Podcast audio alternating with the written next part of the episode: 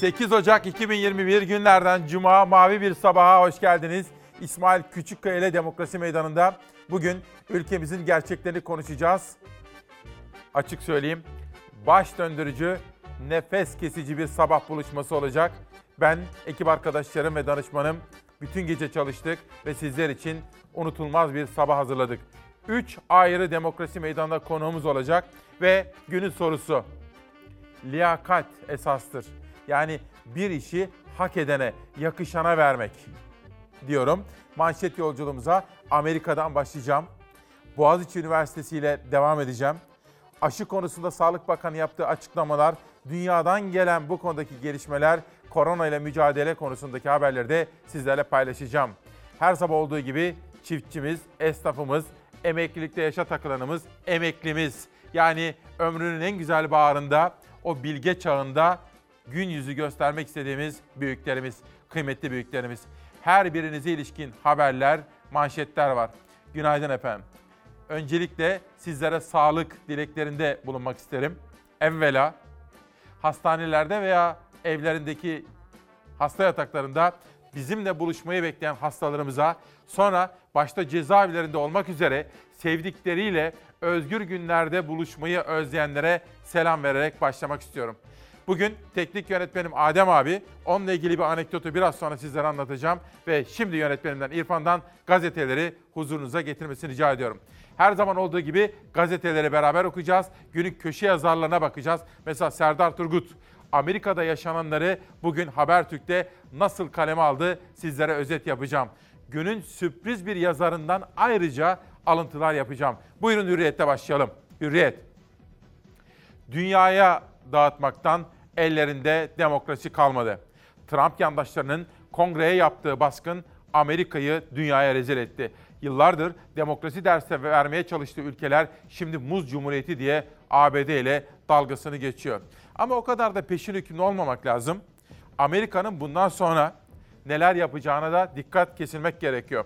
Acaba seçim sonucunu tanımayan popülist bir lider ve onun ırkçı taraftarlarına karşı neler yapılır, neler yapılacak her birini bütün dünya görecek.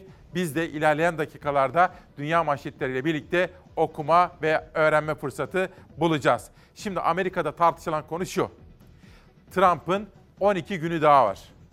Amerikan medyasında ve Trump'ın partisi dahil olmak üzere siyaset dünyasında Trump'ı görevden alalım sesleri yükselmeye başladı.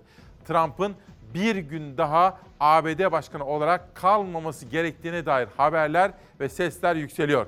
Bugün işte bu konuya bakacağım. Hürriyete döneceğim. Lakin şimdi bir sonraki gazete sözcü olsun. Etme bulma dünyası. Kötülük eden kötülük bulur diye boşuna dememişler. Amerika'da kaos ve utanç yaşandı. ABD demokrasi götürüyoruz diyerek yıllarca ülkeleri karıştırdı, işgal etti, kan döktü, darbe yaptırdı. O yaptıkları şimdi kendi başlarına geldi. Trump yanlıları kongreyi basıp terör estirdi. ABD dünyaya rezil oldu. Bir sonraki gazete Sabah gazetesinde de aynı olaya ilişkin bir manşet var. ABD rüzgar etti, fırtına biçiyor. Dünyanın her yerinde işine gelmeyen yönetimleri devirmek için kitleleri kışkırtan ABD şimdi iç savaşın eşiğine kadar geldi. Günaydın Türkiye'm. 8 Ocak'ta bugün 3 ayrı konuğum, bağlantılarım olacak. Hem Türkiye'den, Elazığ'dan yola çıkacağız, Amerika'ya kadar gideceğiz. Ve ilk manşeti atıyoruz, Amerika'dayız.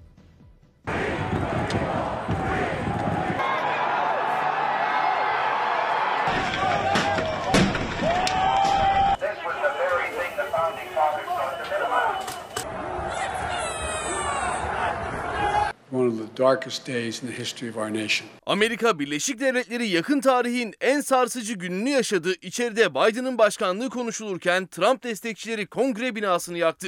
4 saat süren işgal sırasında silahlar patladı. 4 kişi hayatını kaybetti. Seçilmiş Başkan Biden kongreyi basanlar için yerli terörist ifadesini kullandı. They weren't protesters. Don't dare call them protesters. They were a riotous mob, insurrectionists, domestic terrorists. Kongre işgalini Trump'ın mitingi ateşledi. Mitingden çıkan Trump destekçileri Biden'ın başkanlığının görüşüldüğü kongre binasının önünde toplandı.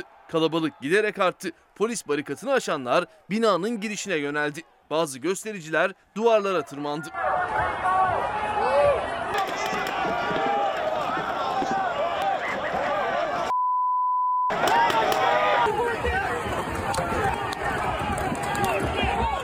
Kongrenin kapıları güvenlik gerekçesiyle kilitlendi. Polis bina kapısına dayanan göstericileri göz yaşartıcı gazla durdurmaya çalıştı. Büyük arbede yaşandı. Kalabalık eline geçeni içeriye attı. Bir süre sonra da kapıları, camları kırarak içeri girdi.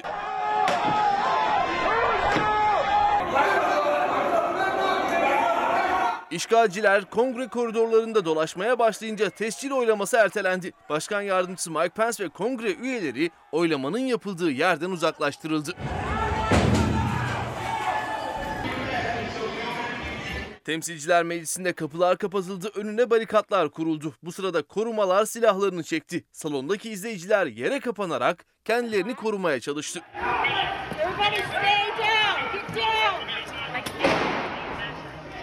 Tansiyon iyice yükseldi. Bir kadın korumalardan birinin silahından çıkan kurşunla hayatını kaybetti. Güvenlik güçlerinin kontrolü kaybetmesi sonrası eylemciler binada slogan atarak dolaşmaya başladı. Kongre üyelerinin ofislerini yağmaladı. Bir gösterici Temsilciler Meclisi Başkanı Nancy Pelosi'nin odasına girdi. Koltuğuna oturarak geri adım atmayacağız yazılı tehdit notu bıraktı. Bazı protestocular Senato Genel Kurulu'na ulaştı.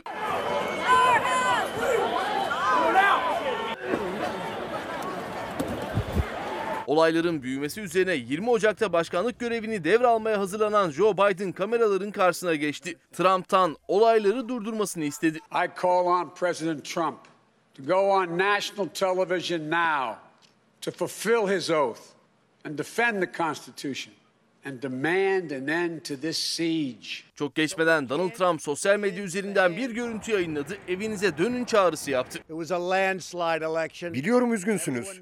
Bizden çalınan bir seçim oldu. Büyük farkla kazanılan bir seçimdi. Bunu herkes biliyor. Özellikle de karşı taraf. Ama şimdi eve gitmek zorundasınız. 4 saat süren işgalin sonunda Trump destekçileri kongreden çıkartıldı. 68 kişi gözaltına alındı. 24 saatlik sokağa çıkma yasağı ilan edildi. It was not disorder. It was not protest. It was chaos. İşgal sırasında 4 kişi hayatını kaybetti. Güvenliği sağlaması için ulusal muhafızlar kongreye gönderildi. Ülkede 15 günlük acil durum ilan edildi. Yeni günde konuşan Trump ise kongre baskınını iğrenç olay diye tanımladı. Bunu yapanlar bedelini ödeyecek ifadesini kullandı. And to those who broke the law, you will pay. Gelişmeleri Zafer Söken takip etti. Takip etmeyi sürdürüyor. Uğur Gök'e de teşekkür ediyorum emekleri için. Günün ana manşetlerinden birisi bu.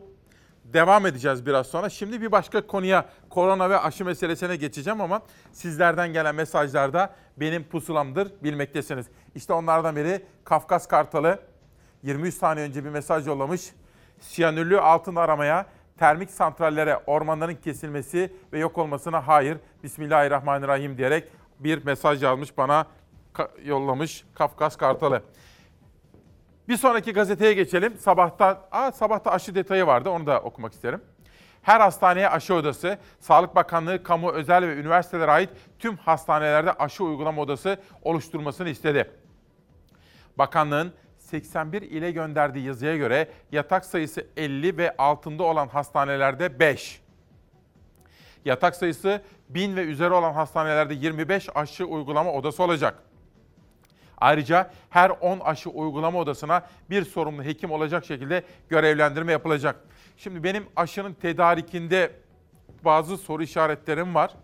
Uygulamasında soru işaretim yok.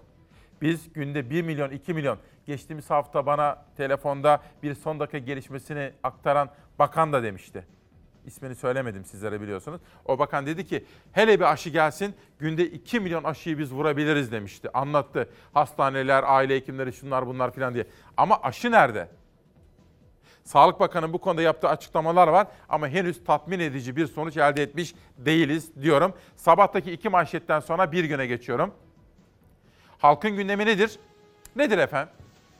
Siz değerli Türkiye Cumhuriyeti vatandaşlarının halkımızın gündemi nedir? Mesela Almanya'da, bütünüyle Avrupa'da, Amerika'da, Kanada'da yaşayıp da Türkiye'ye bakanlar sizler de katılın tartışmaya. Halkımızın gündemi nedir ya da ne olmalıdır? Asıl gündem bu. İktidar toplumu kutuplaştırarak sorunların üstünü örtmeye çalışsa da halkın gündemi işsizlik, salgın ve pahalılık. Okuyalım bakalım. Ülkeyi krizden krize sürükleyen iktidar, sorunların konuşulmaması için yapay gündemler üretmeye çalışsa da gerçeklerden kaçamıyor. Kadir Has Üniversitesi tarafından yapılan Türkiye Eğilimleri Araştırması, halkın en önemli sorununun işsizlik, hayat pahalılığı ve salgın olduğunu ortaya çıkardı. Burayı bir kere daha okumak istiyorum. Kadir Has Üniversitesi tarafından yapılan Türkiye Eğilimleri Araştırması, halkın en önemli sorununun işsizlik, hayat pahalılığı ve salgın olduğunu ortaya çıkardı. Araştırmaya göre toplumun yarısından fazlası kendimi, ailemi geçindiremiyorum diyor. Soruyu size sormak isterim. Sizin gündeminiz nedir diye sordum ya. İkinci soru gelsin. Ailenizi geçindirebiliyor musunuz? Kendinizi geçindirebiliyor musunuz? İşte asıl can alıcı soru budur efendim. Yanıtı kendi kendinize vermenizi rica edeceğim. Bir güne geri döneceğim. Lakin şimdilik bir sonraki gazetede pencerede aşı haberi var. Çin aşısı için acil kullanım onayı sürecini başlattık. Sağlık Bakanı Fahrettin Koca yılın ilk bilim kurulu toplantısı sonrası yazılı açıklama yaptı. Aşı planlamasını ele aldık. Planlarımız hazır ifadelerini kullandı ve şunları söyledi. Bugün itibariyle 50 milyon doz inaktif aşı için kesin anlaşma yapmış ve 3 milyon dozluk ilk bölümünü depolarımıza teslim almış durumdayız. Ayrıca mRNA temelli aşı için de görüşme yaparak tedarik planını gözden geçirdik. 4,5 milyon doz garanti ve 30 milyon doza kadar anlaşmamız imzalandı. Ayrıca Rusya ve İngiltere'de geliştirilen aşılar için de görüşmelerimiz devam ediyor diyor. Aşı bizim şu anda bu büyük krizden, bu küresel daralmadan çıkış için şu anda tek umudumuz. Çin bile Batı ülkelerinin ürettiği aşılardan ısmarladı. Dolayısıyla seçenekleri çok ama biz tek bir aşıya bağlı olduğumuz için bu aşının e, durumuyla ilgili her türlü olumlu ya da olumsuz gelişme etkiliyor bizi. Tek umut aşıdayken Türkiye işte bu zor süreçle karşı karşıya. Çünkü az sayıda Çin aşısı dışında hala başka seçenek yok. Alman aşısı için anlaşma yapıldı ama henüz gelmedi. İngiltere aşısı içinse anlaşma bile yapılmadı. En kısa sürede bu aşılamayı bitirmeliyiz. Biz Şubat ayı sonuna kadar 50 milyona erişebiliyoruz. Ve bundan sonrası için de daha bunu arttırma çabası ve gayreti içindeyiz. Sağlık Bakanı Fahrettin Koca'nın bu sözlerinin üstünden bir ay geçti. Henüz sadece 3 milyon doz Çin aşısı ulaştı Türkiye'ye. Bir haftadır incelemeleri devam ediyor. Analiz için 14 gün süre verilmişti ama biter bitmez aşıların uygulanıp uygulanmayacağı henüz belli değil. Sağlık Bakanlığı 81 ile yazı gönderdi. Hastanelerde en az 5 aşı odası hazırlanmasını istedi. Her ne kadar Sağlık Bakanlığı BioNTech'ten işte AstraZeneca'dan da aşı alacağını söylüyor ise de henüz işte miktar ne zaman geleceği şeklinde belirlenmiş bir e, tarih ya da işte rakam yok. Alman aşısını geliştiren Türk Profesör Uğur Şahin'le görüşmelerin tamamlandığını, Mart ayının sonuna kadar 4,5 milyon doz aşı geleceğini söylemişti Sağlık Bakanı Koca. Avrupa 27 Aralık'tan bu yana yaygın olarak Alman aşısını uyguluyor. Türkiye'ye ise henüz ulaşan tek bir doz bile yok. Sonuçlar olumlu çıkarsa İngilizlerin aşısını da alabiliriz. O kapı hala açık. Üstelik 4 dolar fiyatıyla en ucuz aşı da o. 30 Aralık'ta onaylanan Oxford aşısını uygulamaya başladı İngiltere. Ancak henüz fiyatı en düşük olan bu aşıya ilişkin Türkiye ön görüşme sürecinde. Son 24 saatte 194 hastanın daha yaşamını yitirdiği salgında tek seçenek Çin aşısı. Türkiye kendi verilerini açıkladı. Bizim açıkladığımız 1322 vakalık sonuç olsa olsa bir faz 2 çalışması olur. Böyle bir pandemi aşısında minimum aşı grubunda en az 7100 vaka olan bir çalışma olması lazım. Şu anda güvenilir olmaktan uzak. Enfeksiyon Hastalıkları Derneği Başkanı Profesör Doktor Mehmet Ceyhan'a göre Çin aşısının güvenilirliğine dair endişeler giderilebilmiş değil. Özellikle de 60 yaş üstü için. Endonezya sadece 18-60 yaş arası kişilere yapacağız çünkü e, bunun dışında kişilerde aşının etkinliğiyle ilgili hiçbir e, veri yok diye açıkladı. Bu doğru. Bunun dışına çıkarak da yapmak kumar oynamak olur. Aşıya dair gelişmeleri de Ezgi Gözeger takip ediyor ve bilgilerimizi güncelliyor. Demek ki efendim bu sabah İsmail Küçükkaya Demokrasi Meydanı'nda liyakat esastır başlığı altında bir Amerika'daki gelişmeler ana gündem maddemiz olacak. Biraz sonra Amerika'dan canlı bağlantım olacak. İki, aşı ve korona. Bu konuda özel bilgilerim olacak. Haberlerimiz, dosyalarımız olacak. Ve üç, ekonomi başta olmak üzere çok önemli konuları sizlerle paylaşacağım. Bu konuda ayrıca bir konuğum burada olacak. Türk iş dünyasının önemli bir ismini davet ettik bu sabah Demokrasi Meydanı'na.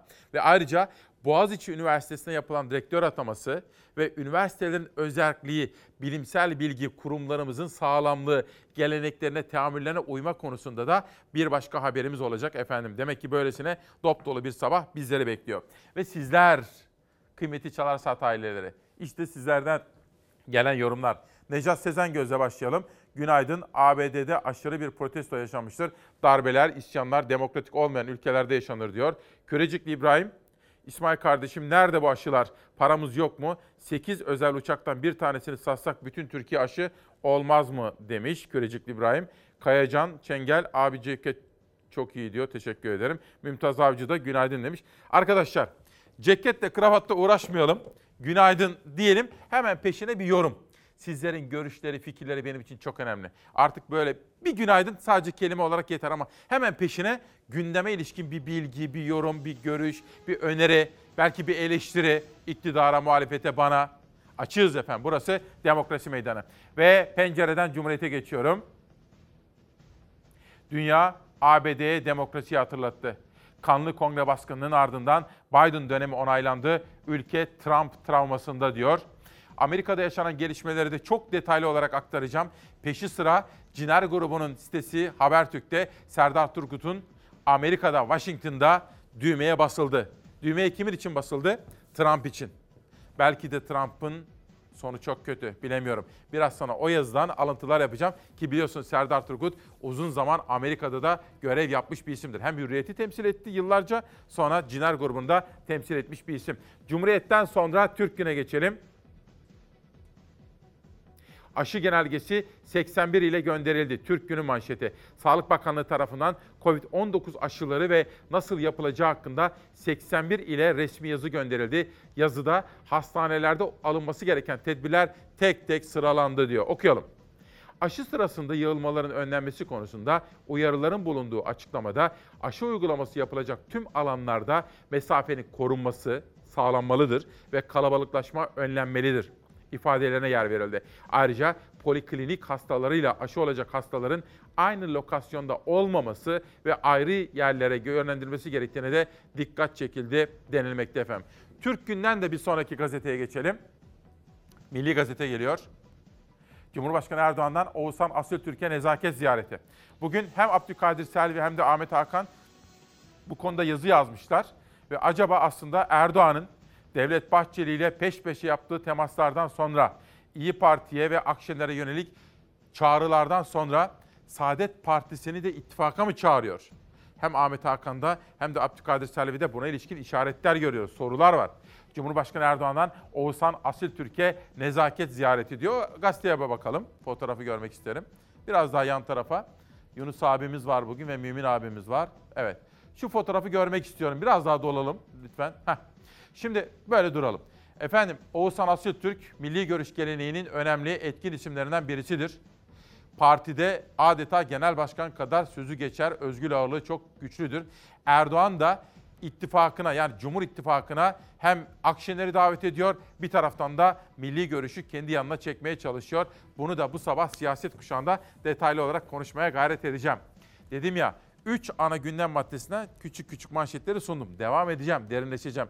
Ama şimdi sıra Boğaziçi Üniversitesi'ne yapılan rektör ataması ve üniversitenin özellik tartışması.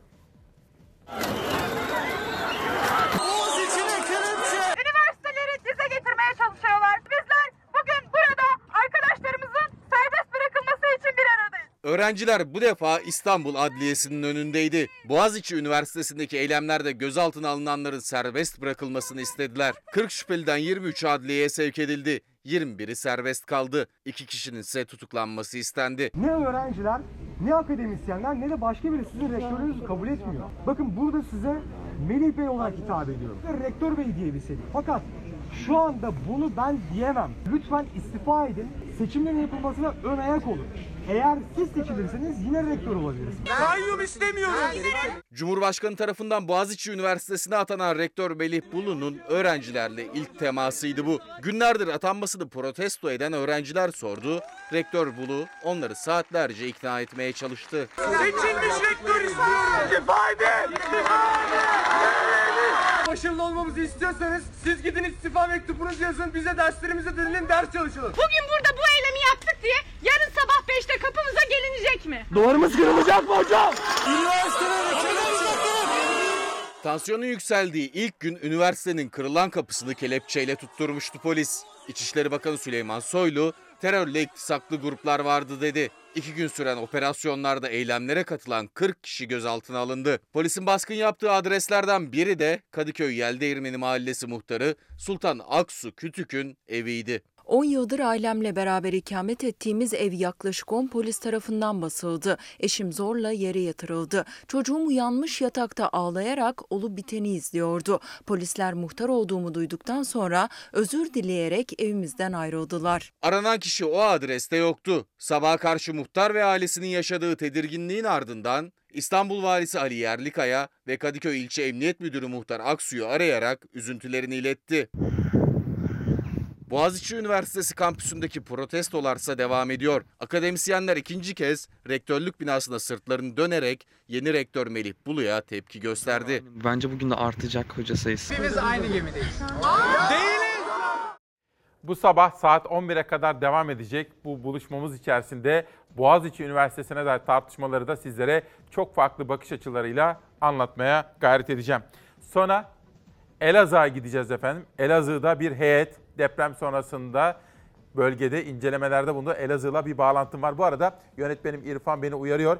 İki öğrenci tutuklama istemiyle mahkemeye sevk edilmişti. Serbest kalmışlar. Üniversiteli arkadaşlarımızın serbest kaldığına dair haberi de sizlere aktaralım. Bir başkası bugün halk ekmek. Hani AK Partili ve MHP'li İstanbul Belediye Başkanlığındaki meclis üyelerinin engelleme çalışmalarına dair iddialar vardı. İmamoğlu'nun ve Murat Ongun'un. O konuda haberler geliyor. Belediye bu konuyu çözmüş. Nasıl çözdüğünü sizlere bu sabahki buluşmamız içerisinde anlatmaya gayret edeceğim. Milli Gazete'den sonra Karar Gazetesi'ne bir bakalım gitmemek için darbeyi bile denedi. Amerika'da başkanlık seçimi sonuçlarına direnen Trump, taraftarlarını tahrik ederek kongredeki onay oturumunu bastırdı. Kendi partisinin bile darbe girişimi olarak gördüğü ve karşı çıktığı kalkışmada 4 kişi hayatını kaybederken gözler bundan sonraki sürece çevrildi. Başarısız girişimin ardından Trump için azil ve yargılama seçenekleri gündeme geldi.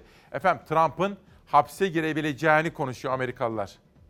Washington Post dahil olmak üzere Amerikan medyasında Trump'ın derhal görevden alınması yani azledilmesi, Amerikan Anayasası'nın ilgili maddesinin işletilmesi konuşuluyor.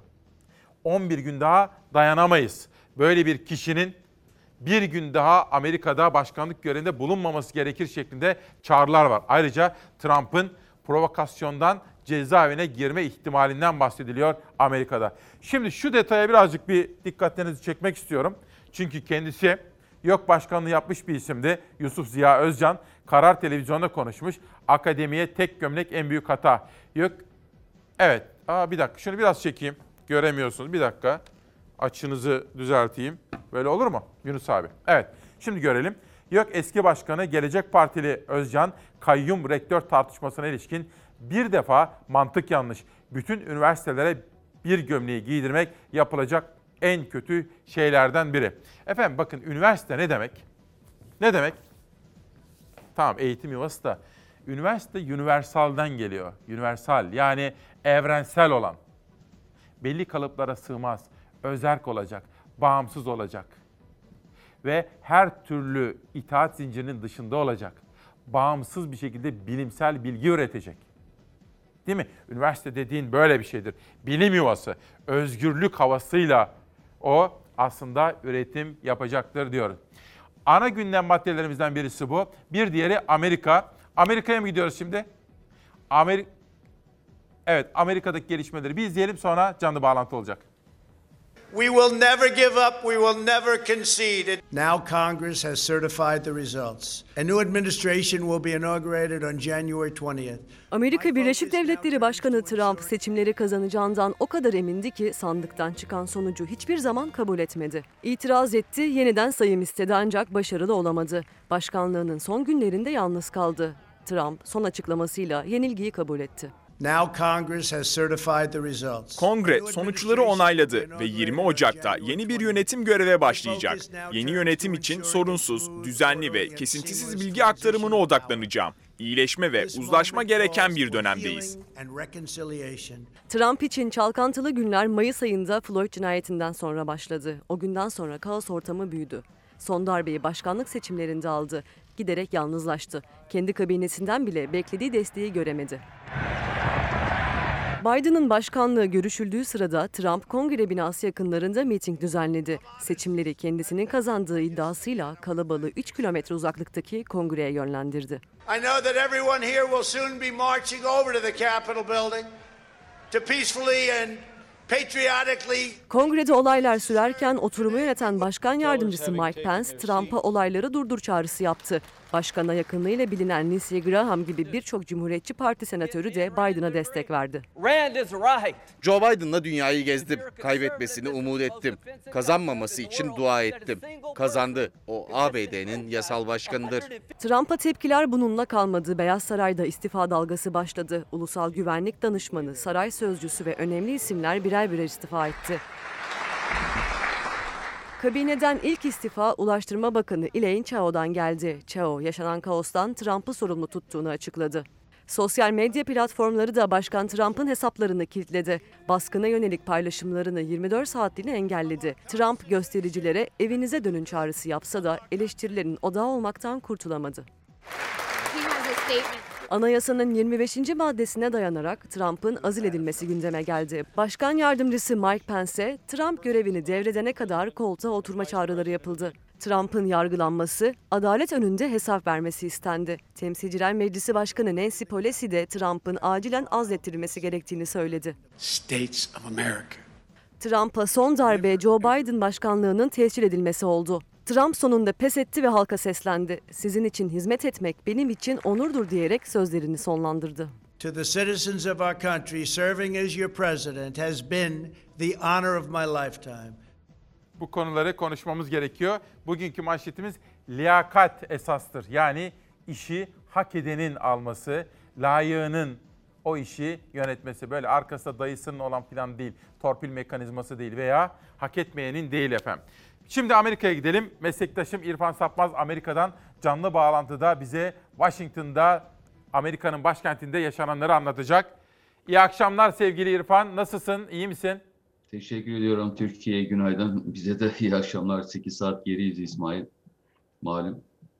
Çok teşekkür ediyorum katkın için. Ne oldu Amerika'da şimdi? En son durum nedir? Evet, e, bütün dünyanın da izlediği gibi biz de oradaydık. 5 saat boyunca canlı yayın yaptım e, Kongre Baskın binasında. E, durum son derece kritik tabii. 20 Ocak tarihine kadar e, Amerika'daki bu kriz bir türlü atlatılmaya çalışıyor ama gittikçe derinleşiyor. Önce ben e, İsmail müsaade edersen Kongre Baskın e, gününe dönmek istiyorum. Tabii ki. Malum e, 6 Ocak tarihinde e, kongrede yeni başkan e, onaylanacaktı ancak e, Beyaz Saray'ın etrafında toplanan binlerce Trump taraftarı kongre binasına yürüyünce işler değişti. Malum e, e, Beyaz Saray'ın e, yakınlarında taraftarlarına konuşan Trump'ın verdiği mesaj, sert mesajlar doğrultusunda galeyana gelen Trump taraftarları kongre binasına doğru yürüdü. Biz de o gün Beyaz Saray ve Beyaz Saray'ın arkasından hemen kongre binasına doğru baskının olduğu sıralarda oraya gittik. Ancak kongre binasına girilmiş ve e, Trump taraftarları tamamıyla kongre binasını işgal altına almışlardı ve e, işgal e, başlar başlamaz e, kongre binası içerisinde bulunan, kongre binasının altında bulunan gizli tünellerden e, gerek demokratlar, gerek cumhuriyetçiler, temsilciler meclisi üyeleri aynı zamanda bina çalışanları tahliye edildi. Fakat e, Nancy Pelosi'nin, temsilciler meclisi başkanı Nancy Pe- Pelosi'nin odasına kadar girdik, onun masasına kadar oturdu. Fotoğraflar bütün dünyada yayınlandı. Tabii çıkartıldı. İçeridekiler hızlı bir şekilde tahliye edildi ancak vuruldu. Bir kişi vuruldu biliyorsun hayatını kaybetti. Daha sonra dört kişiye çıktı. Arkasından yeniden e, kongre binasını tamamıyla kuşatma altına alan kızgın taraftarlar ellerinde buldukları e, her şeyi e, kapılara, camlar atmaya başlar. Camlar kırıldı, kapılar Evet, kırıldı. evet. Polis polis gösterilere dayanamadı. içeriye çekilmek zorunda kaldı bazı kapılardan ve e, arkasından e, olaylar durdurulamayınca e, bu kez e, ne, e, bu kez e, Washington DC Belediye Başkanı Bob Browser e, hemen e, Washington DC'de sokağa çıkma yasağı ilan etti. Bir, e, olayların başladığı sırada yaklaşık e, sanıyorum 15 15 civarındaydı biz kongre binasının etrafındaki bu çatışmaları görüntülerken oradan canlı yayın yaparken E, ama dağılmadılar. Bu kez ulusal muhafızlar harekete geçirildi. Pentagon'dan ulusal muhafızlar istendi. New York'tan New York Valisi Andrew Cuomo bin kişinin bin kişilik muhafız birliğin kendisinden istendiğini bildirdi ve kongre binasına e, ulusal muhafızlar e, takviye olarak gönderildi ancak henüz gelmemişlerdi biz oradayken ve e, yaklaşık saat 17.30-17.35 civarında ulusal muhafızlar binaya gelmeye başladılar ama müdahil olmadılar tabii orada ve e, sokağa çıkma yasağının başlamasına yaklaşık 20-25 dakika vardı. Göstericileri tamamıyla gaz bombalarıyla iki adet de gaz bombası isabet etti ben oradan canlı yayın yaparken bu arada. E, yaralılar oldu. Bunların hepsini biz canlı yayınlarda gösterdik. Ve e, göstericiler, göstericilerin binayla, kongre binasıyla olan fiziki temasları tamamıyla e, polislerin ve e, güvenlik güçlerinin, e, işte gizli servisin müdahalesiyle e, tamamıyla fiziki müdahaleleri kesildi ve yaklaşık e, 18'e 10 kala falan e, binadan uzaklaştırılmaya başladılar. O sıralarda 5 otobüs Ulusal Muhafız Birliği geldi ancak bunlar yine müdahale olmadılar. Çünkü İsmail Amerika Birleşik Devletleri'nin ulusal muhafızların sokaklara inmesi, bunu daha önce seninle yaptığımız yayında da konuşmuştuk hatırlarsan. Evet. E, George Floyd olayları sırasında son derece tehlikeli. E, ulusal muhafızların sokaklara inmesi demek Peki nasıl girdiler kadar- İrfan? O kadar güvenlik önlemi var ki Amerikan polisi de böyle acımasızdır. Böyle vurur hemen. Peki Evet, nasıl evet, giriyorlar içeriye? Şimdi bu tartışılıyor Amerika'da. Yani kongre binasında güvenliğin neden sağlanamadığı, bununla ilgili de polis şefine, Washington DC polis şefine güvenlik e, yetkilerine derhal soruşturma açılması isteniyor ve açıldı da. E, Ancak Amerika'da şöyle bir şey var İsmail, e, Beyaz Saray etrafında olsun, kongre binası etrafında olsun, insanlar çok rahat bir şekilde gelebilirler, yürüyebilirler, protestolar yapabilirler. Yani e, her toplananı alıp e, toplayıp içeriye atmıyorlar e, Amerika Birleşik Devletleri'nde. Onun bir rahatlığı var tabii. Fakat hiç kimse bunu beklemiyordu bu şekilde. Yani kongre binasına 206 yıl sonra Amerikan tarihinde kongre binasına girilecek ve işgal edilecek. Bunu kimse beklemiyordu. Onun için de e, tabii Amerika Birleşik Devletleri'nde e, medya çok güçlü İsmail. Sen Evet. bildiğin gibi Tabii. e, kongre binası etrafından tüm dünya televizyonları hepimiz oradaydık. Dakika dakika Canlı saniye saniye. yapıldı. Evet canlı yayınlar Bir şey- yapıldığı için. bir şey e, soracağım. Bu, bu evet. Şimdi bir dakika. Ee, Trump bundan sonra ne yapacak? Trump'a ne olacak? Bugün Serdar Turgut da yazmış. Trump görevden azledilecek mi? Amerikan Anayasası'nın ilgili maddesi işletilecek mi? Galiba 25. madde. 25. madde. 25. Bu işletilecek madde. mi? Hatta Trump hapse mi girecek? Bunları konuşuyorlar. Şimdi e, ma- e, yeni başkan, seçilmiş başkan deniliyor şu anda bildiğin gibi e, Joe Biden'a 20 Ocak tarihine kadar hala e, Trump, e, Amerikan başkanı. Hep şuna dikkat ettim ben. E, yeni seçilmiş başkan Joe Biden tansiyonu yükseltmeme e, konusunda son derece uzman. 40 yıldır e, senatör, başkan yardımcılığı yapmış. Çok derin, kurt birisi siyasetçi. Onun için de ben çok fazla şu anda şu anda tansiyonun yükseltilmemesi adına e, azledilmesi 25. madde çerçevesinde Trump'ın azledileceğine ve hatta tutuklanacağına buna çok fazla ihtimal veriyorum ama şu son saatlerde konuşulan başka bir şey var Amerikan medyasında. E, Başkan Donald Trump kendisini ve ailesini affedebilir. Bu konuda bir ya, e, karar imzalayabilir. Bu konuşuluyor şu anda Amerika'da. E, ben çok fazla ihtimal vermiyorum. Onun için 12. gün- 12 gün kaldı sanıyorum bugün itibariyle 20 Ocak tarihindeki yemin törenine. Onun için ama şeyden sonra e, daha çok büyük baskı var tabii. Özellikle Cumhuriyetçiler demokratlar ve cumhuriyetçilerin içerisinde de bir grup senatörler e, derhal e, azledilmesi yönünde e, Trump'ın e, girişimleri var. Çünkü Amerika Birleşik Devletleri'nde biliyorsunuz biraz önce haberimizde dedik sosyal medya hesaplarını özellikle kestiler, temasını kestiler Amerikan evet. halkıyla. Beyaz Saray'da istifalar başladı. Onun için de e, sessiz sedasız biraz e, 20 Ocak tarihine kadar e, götürmeye çalışıyorlar. E, kontrol tamamıyla şu anda e, Trump'ta değil Beyaz Saray'da. Gördüğümüz o. E, kendisi de biraz geri adım atmış vaziyette zaten. Zaten istifalar Çok oldu değil mi İrfan? Evet, evet, evet. Beyaz 4-5 tane istifa istifalar oldu. oldu. Beyaz Saray'dan istifalar oldu. Başkan Trump da e, anlamış vaziyette. Olayı çok daha fazla geleceğini zannetmiyorum. Ben şu anda buradan gördüğüm en azından e, böyle bir dönemde yani 20 Ocak tarihine kadar Trump'ı tutuklama ya da etrafındakileri tutuklama ama e, bu olayın içerisinde olanlar hakkında soruşturmalar başladı zaten. Washington DC Başsavcılığı gerekli soruşturmalar başlattı. Güvenlik açığının nerede oluştuğunu e, araştırıyorlar. Neden böyle bir e, güvenlik boşluğunda bu kadar e, sıkıntı ve e, ölümler olduğunu araştırıyorlar şu anda ve malum da tabii sokağa çıkma yasağı var. Her gün sabah a- e, akşam 18'den sabah saat 06'ya kadar Washington DC'de ve e, 20 Ocak tarihine kadar da bu devam edecek. Hatta medya mensuplarının da sokağa çıkması yasak. 20 e, George Floyd olayları sırasında biz medya mensupları e, sokağa çıkma yasağından sonra da e, çok rahat bir şekilde çalışmalarımızı yapıyorduk. Ancak Bir dakika, bir dakika. İrfan bir dakika. Ben doğru mu duydum? Gazetecilerin de, medya çalışanlarının da sokağa çıkma yasağına tabi olduklarını mı söylüyorsun? Doğrudur, doğrudur. Washington DC Belediye Başkanı gazetecilerin de sokağa çıkmasını, çıkmamasını istedi. Sadece gerekli işleri olanların, gerekli işleri olanların sokağa çıkmasını istedi. Ee, doğru haber. Çok enteresan. Şu anda durum sakin mi? Sakin. Bugün bugün Beyaz Saray'ın Beyaz Saray'ın önünden e, canlı yayınlar yapmıştım. Bütün Beyaz Saray'ın etrafındaki caddeler, sokaklar e, açık.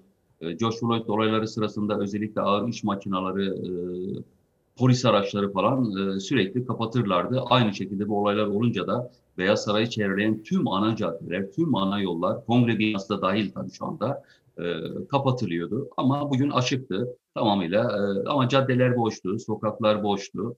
Protesto göstericileri yoktu. Kongre binasının hemen önünde bugün canlı yayın yaparken 2-3 araç gördüm sadece. E, yine Trump taraftarları kongre binasının önünden geçiyorlardı araçlarıyla birlikte korna çalarak. Ama e, sakin, son derece sakin şu anda. Şu anda tutuklamalar, tutuklamalar devam ediyor. Yaklaşık e, 40'ın üzerinde tutuklama var. Olaya karışanların e, kimler olduğu konusunda soruşturmalar devam ediyor İsmail. İrfan Sapmaz çok ama çok teşekkür ediyorum. Yüreğine sağlık, diline sağlık ve sana esenlikler diliyorum. Güzel kardeşim iyi akşamlar. Bugün ana gündem maddelerimizden birisi Amerika ve Amerika'da yaşananlara döneceğiz. Anlamamız gerekiyor çünkü dünya tarihi açısından da kritik bir gelişme. Hatta biraz sonra Türk iş dünyasını yakından tanıdığı bir isim Tamer Saka geliyor. Türkiye ile Amerika ilişkilerini de biraz kendisiyle de konuşacağım. Tamer Saka da biraz sonra Fox'ta İsmail Küçükkaya ile Demokrasi Meydanı'nın konuğu olacak efendim. Amerika'yı iyi anlamamız gerekiyor çünkü bizleri de etkileyecek. Çünkü Joe Biden döneminde Ankara ile Washington ilişkileri nasıl seyredecek? Bir. İki, Elazığ'a gideceğiz. Deprem sonrasında Elazığ'da şu anda kimler kimler var? Naci Görür'den tutun 30 milletvekiline kadar. 3. Boğaziçi Üniversitesi yine ana gündem maddelerimizden birisi olacak. Ve 4. Ekonomi. Özellikle üretici ve esnafa, emekli ve işsize dair haberlerim olacak. Ve işte yerel gazeteler, Egemen Gazetesi Yağmur yağmazsa sıkıntı büyür diye bir manşet atmış. 92 yıllık verilere göre her yıl Adana'ya ortalama 670.4 kilogram yağış düşerken bu rakam 2020'de 523 kilogramda kaldı. Yalnızca Adana'da değil, Bursa'da %5'e düştü barajdaki doluluk. İstanbul, İzmir. Dün sorduğumu bir daha sorayım mı efendim? Haberi izlerken hava durumunu lütfen düşünün. Acaba neden böyle bir sonuçla karşı karşıya kaldık? Bugün batıdaki yağışlar bölgesel ve hafif. Yurt genelinde sisli hava etkisini sürdürüyor. Doğuda buzlanma ve don var yine. Asıl yağışlarsa hafta sonu geliyor. Hafta sonunda Marmara'da kuvvetli sağanak görülebilir. Bugün yağışlı hava yurdun batısında yine. Marmara'nın batısıyla Ege ve Batı Akdeniz'in kıyılarında yağış görülebilir. Marmara'da yine rüzgar kuvvetli esecek. Lodos yönlerden esen ılık rüzgar akşam saatlerinde kuvvetini arttıracak. Gece saatlerinde Marmara'da lodos fırtınası görülecek. Cumartesi günü ise Balkanlar üzerinden yeni bir yağışlı hava yurda giriş yapacak. Marmara bölgesinde cumartesi günü kuvvetli yağış görülebilir. Cumartesi günkü yağışlar Marmara ve Ege bölgesiyle Batı Akdeniz ve Karadeniz'in batısında görülecek. Pazar günü ise tüm batı bölgeler, Karadeniz bölgesinin tamamı ve iç kesimlerde kısmi yağışlar bekleniyor. Pazar yine Marmara'da kuvvetli yağış riski var. Doğu Anadolu'nun en kuzey illeriyle Doğu Karadeniz'de görülecek yağışlarsa pazar günü kar şeklinde düşebilir. Hafta sonu yurda batıdan giriş yapacak yağışlı hava önümüzdeki hafta boyunca yurdun tüm kesimlerinde etkisini gösterecek. Geçtiğimiz haftaların yağışlarına göre daha etkili yağış geçişleri bekleniyor. Yağış hafta ortasında doğuda etkisini arttıracak ve bugünden bakıldığında doğuda yağışlar kar şeklinde düşeceğe benziyor. Hafta sonu başlayacak ve haftanın geneline yayılacak yağışların kuraklığın açtığı yaraya bir nebze faydalı olması bekleniyor. Halk ekmek haberimiz var. Biraz sonra Selahattin Demirtaş'la ilgili bir haber hazırlandı. Bir dosya çalışması onu aktaracağım. Darbe iddiaları, lüzumsuz darbe tartışmaları ile ilgili yine maalesef bir haberim olacak. Tamer Sakay ile konuşacağız. Çok önemli konuları deprem de gündemimizde. Elazığ'a bağlanacağız. Bu arada Suna Eralp hanımefendi dün sizlere söylemiştim düştü kolunu kırmıştı. Ameliyatı gayet iyi geçti ona geçmiş olsun derken 7 Ocak'ta doğum günü kutlayan Ankara'dan çok sevdiğim arkadaşım Mehtap Özdağ'ın bugün yeni yaşının ilk günü kutluyor. Mehtap Özdağ'ını da ailesiyle birlikte selamlıyorum buradan. Elazığ Fırat biraz sonra Elazığ'a bağlantımız olacak. Deprem sonrasında yaralar sarıldı mı? Songül Dursun'un Fırat'taki haberi. Bilim Akademisi üyesi hemşerimiz Profesör Doktor Naci Görür. Elazığ'da mikro bölgelendirme çalışması yapılmalı. Yani Elazığ'a özel çok daha detaylı çalışmalar yapılmalı diyor. Efendim bir reklam arasına gideceğim. Ama önce bakın Bergama Kılıç Kalkan. Kılıç Kalkan bizim işimiz.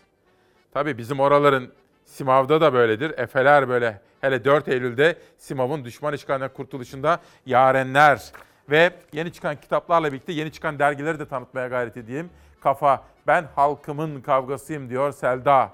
Ve efendim benim için günün ilk sade kahvesinin zamanı gelmiştir. Size de ikram edebilir miyim? Günaydın, günaydın ve hoş geldiniz. Mavi bir sabahta Hakikat Yolculuğunda.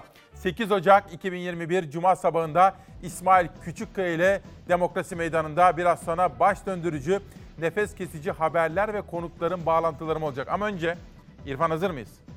Hava durumu ve kuraklık.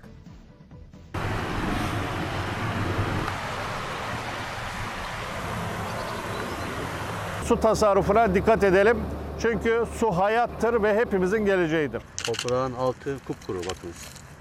Hiç yağmur yok. Toprak kurudu, bitkinin de insanın da yağmura olan ihtiyacı arttı. Kuraklığa dair haberler gelmeye devam ediyor. Adana ve Edirne yaklaşık 90 yılın en kurak dönemini geçirdi. Tarımsal sulama ve ev içi su kullanımında tasarruf çağrıları yineleniyor her gün. Bakın Ocak ayındayız ama hala yağış yok. Kar yağışı özellikle hiç yok. Ne olur e, su tasarrufuna gidelim. Tarımsal amaçlı sulamalarda vahşi sulama yerine damlama sulama yöntemlerine geçelim. Edirne Belediye Başkanı Recep Gürkan vatandaşlara suyun tasarruflu kullanılması çağrısında bulundu. Başta tarımsal sulamada vahşi sulama terk edilmeli, evlerde ise balkon, bahçe, araba yıkama gibi faaliyetler azaltılmalı çağrısı yaptı. Edirne'nin içme suyunun %30'u kuyulardan karşılanıyor. 3 yeni su kaynağı daha keşfedildi, yeni kuyular açılmaya başlandı. Açılacak kuyularla bu oran %50'ye çıkacak. Trakya son 91 yılın en yoğun e, kuraklığını yaşıyor. Bizim içme suyu aldığımız Kırklareli Kayalıköy Barajı'nda %6'lara düştü su seviyesi. İlk defa bu yıl e, hiç yağmur Nisan ayından bugüne kadar hiç yağmur almadık. 2020 yılının sonu hiç yağış görmedi ve şu an e, ürünlerimiz bile inan ki kestiğimizde tam geçmişteki gibi kaliteyi göremiyoruz. Adana'da ise son 91 yılın en kurak yılı olarak kayıtlara geçti 2020. Çiftçi gübreleme yapmak için yağmuru bekliyor. Eğer yağmazsa ovada yeraltı su kaynaklarını kullanarak sulama yapacak. Ancak yüksek kesimlerde üretim yapan çiftçi için tek çare yağmur. Geçmiş yıllara göre %50 e, yağmur az yağdığı için e, sıkıntılar var. Yüreğir Ziraat Odası Başkanı Mehmet Akın Doğan tarladaki bitki yağmur bekliyor dedi. 2020'de yağan yağış da 2020'nin ilk e, ilk 2-3 ayında yağdı. Ondan sonra kurak geçti ve şu an gördüğümüz gibi bitki bütün bitkiler su istemekte. Konya'da da durum kritik. Beyşehir Gölü'nü besleyen su kaynaklarından Kargalı Deresi neredeyse tamamen kurudu. 500 metre ileride bir çıkış var. Suyun çıktığı yerde, dabandan çıktığı yer var. Tabii kurak gidişin, havalar kar yağmayışın e, oradan kurudu burası. Dereyi besleyen kaynak kurudu. Her yıl bu zamanlar yüksek debiyle akan dereden geriye küçük su birikintileri kaldı. Kar bekliyoruz, yağmur bekliyoruz. Allah'ım inşallah kıtlık var şu an. Tüm Türkiye yaklaşan yağışların kuraklık derdine deva olmasını bekliyor. Aksi takdirde tarımsal kuraklığın etkileri çarşı pazara sirayet edecek. Yaz aylarında susuzluk çok daha büyük bir sıkıntıya dönüşecek. Bugün batıdaki yağışlar bölgesel ve hafif. Yurt genelinde sisli hava etkisini sürdürüyor. Doğuda buzlanma ve don var yine. Asıl yağışlarsa hafta sonu geliyor. Hafta sonunda Marmara'da kuvvetli sağanak görülebilir. Bugün yağışlı hava yurdun batısında yine. Marmara'nın batısıyla Ege ve Batı Akdeniz'in kıyılarında yağış görülebilir. Marmara'da yine rüzgar kuvvetli esecek. Lodos yönlerden esen ılık rüzgar akşam saatlerinde kuvvetini arttıracak. Gece saatlerinde Marmara'da lodos fırtınası görülecek. Cumartesi günü ise Balkanlar üzerinden yeni bir yağışlı hava yurda giriş yapacak. Marmara bölgesinde cumartesi günü kuvvetli yağış görülebilir. Cumartesi günkü yağışlar Marmara ve Ege bölgesiyle Batı Akdeniz ve Karadeniz'in batısında görülecek. Pazar günü ise tüm batı bölgeler, Karadeniz bölgesinin tamamı ve iç kesimlerde kısmi yağışlar bekleniyor. Pazar yine Marmara'da kuvvetli yağış riski var. Doğu Anadolu'nun en kuzey illeriyle Doğu Karadeniz'de görülecek yağışlarsa pazar günü kar şeklinde düşebilir. Hafta sonu yurda batıdan giriş yapacak yağışlı hava önümüzdeki hafta boyunca yurdun tüm kesimlerinde etkisini gösterecek. Geçtiğimiz haftaların yağışlarına göre daha etkili yağış geçişleri bekleniyor. Yağış hafta ortasında doğuda etkisini arttıracak ve bugünden bakıldığında doğuda yağışlar kar şeklinde düşeceğe benziyor. Hafta sonu başlayacak ve haftanın geneline yayılacak yağışların kuraklığın açtığı yaraya bir nebze faydalı olması bekleniyor. Ezgi Gözeger haberleştirdi. Kendisine teşekkür ediyorum efendim. Liyakat esastır. Biraz sonra Türk iş dünyasının önemli isimlerinden Tamer Sakay ile Türk-Amerikan ilişkilerini konuşacağız. Depremi konuşacağız. Alınması gereken tedbirlerden bahsederken Elazığ'da 30 milletvekili ne yapıyor? Naci Görür Elazığ konusunda depremden sonra neler söylüyor? Her birini konuşmaya gayret edeceğim. Liyakat esastır ikinci tur gazeteler. Fenerbahçe sevinçli. Bir taraftan Mesut Özil sevinç dalgası camiada. Bir taraftan da Başakşehir maçıyla başlayan galibiyet serisinde Alanya Spor ki ligin en iyi futbol oynayan ekiplerinden birisidir. Alanya Spor'u geçmeyi bildi Fenerbahçe. Amansız takip. Fenerbahçe Alanya'yı 2-1 yendi. Çok zorlu bir engel aştı ve ikinci sıraya tırmanarak lider Beşiktaş'ın ensesine yapıştı. Fotomaç gazetesinin manşetinde. Tabii bir de Mesut Özil'in geleceğine dair haberler de camiayı sevince boğdu ve umutları artırdı. Ali Koç'un başkanlığını yaptığı Fenerbahçe bu sezon mutlak şampiyonluk parolasıyla yola devam ediyor. Ve bir sonraki gazetede acaba neler var bir günde? Halkın gündemi salgın ve işsizlik. İktidar toplumu kutuplaştırarak sorunların üstünü örtmeye çalışsa da halkın gündemi işsizlik, salgın ve pahalılık. Bunu biraz okumak istiyorum ve sizlerin görüşlerini sormak istiyorum. Çünkü sabah bu soruyu sorduğumda çok yoğun mesaj geldi. Ülkeyi krizden krize sürükleyen iktidar sorunların konuşulmaması için yapay gündemler üretmeye çalışsa da gerçeklerden kaçamıyor. Kadir Has Üniversitesi tarafından yapılan Türkiye Eğilimleri Araştırması halkın en önemli sorununun işsizlik, hayat pahalılığı ve salgın olduğunu ortaya çıkardı. Araştırmaya göre toplumun yarısından fazlası kendimi geçindiremiyorum, ailemi geçindiremiyorum diyor. Sabah sormuştum o soruyu yenileyeceğim. Haliniz nicedir efendim? Geçinebiliyor musunuz? Bundan daha önemli ve değerli bir soru ta- tanımıyorum. Hayır. Bu sorunun yanıtını bana gönderin lütfen. Bir sonraki gazeteye geçelim. Amerikan kabusu. Hürriyet'in benzer bir manşetini atmışlar. Haberde Ali Çınar imzası var. Her fırsatta dünyaya demokrasi dersi veren Amerika'da demokrasi çöktü. Sabah danışmanımdan Nihal Kemaloğlu'ndan bir mesaj geldi. Şöyle mesajlar var biliyor musunuz? İnanılmaz. Amerikan yönetimi seçilmiş başkan da dahil diyor ki eğer dün senatoyu basanlar siyahiler olsalardı Amerikan polisi bunları vururdu diyorlar. Ve beyazlar için ilk defa onlar eylemci falan değil. Senatoyu basanlar teröristti. Bakın Joe Biden ve yönetim bunu söylemeye başlıyor. Amerika'da yaşananlar dünya açısından da, dünya tarihi bakımından da bir kırılma noktası.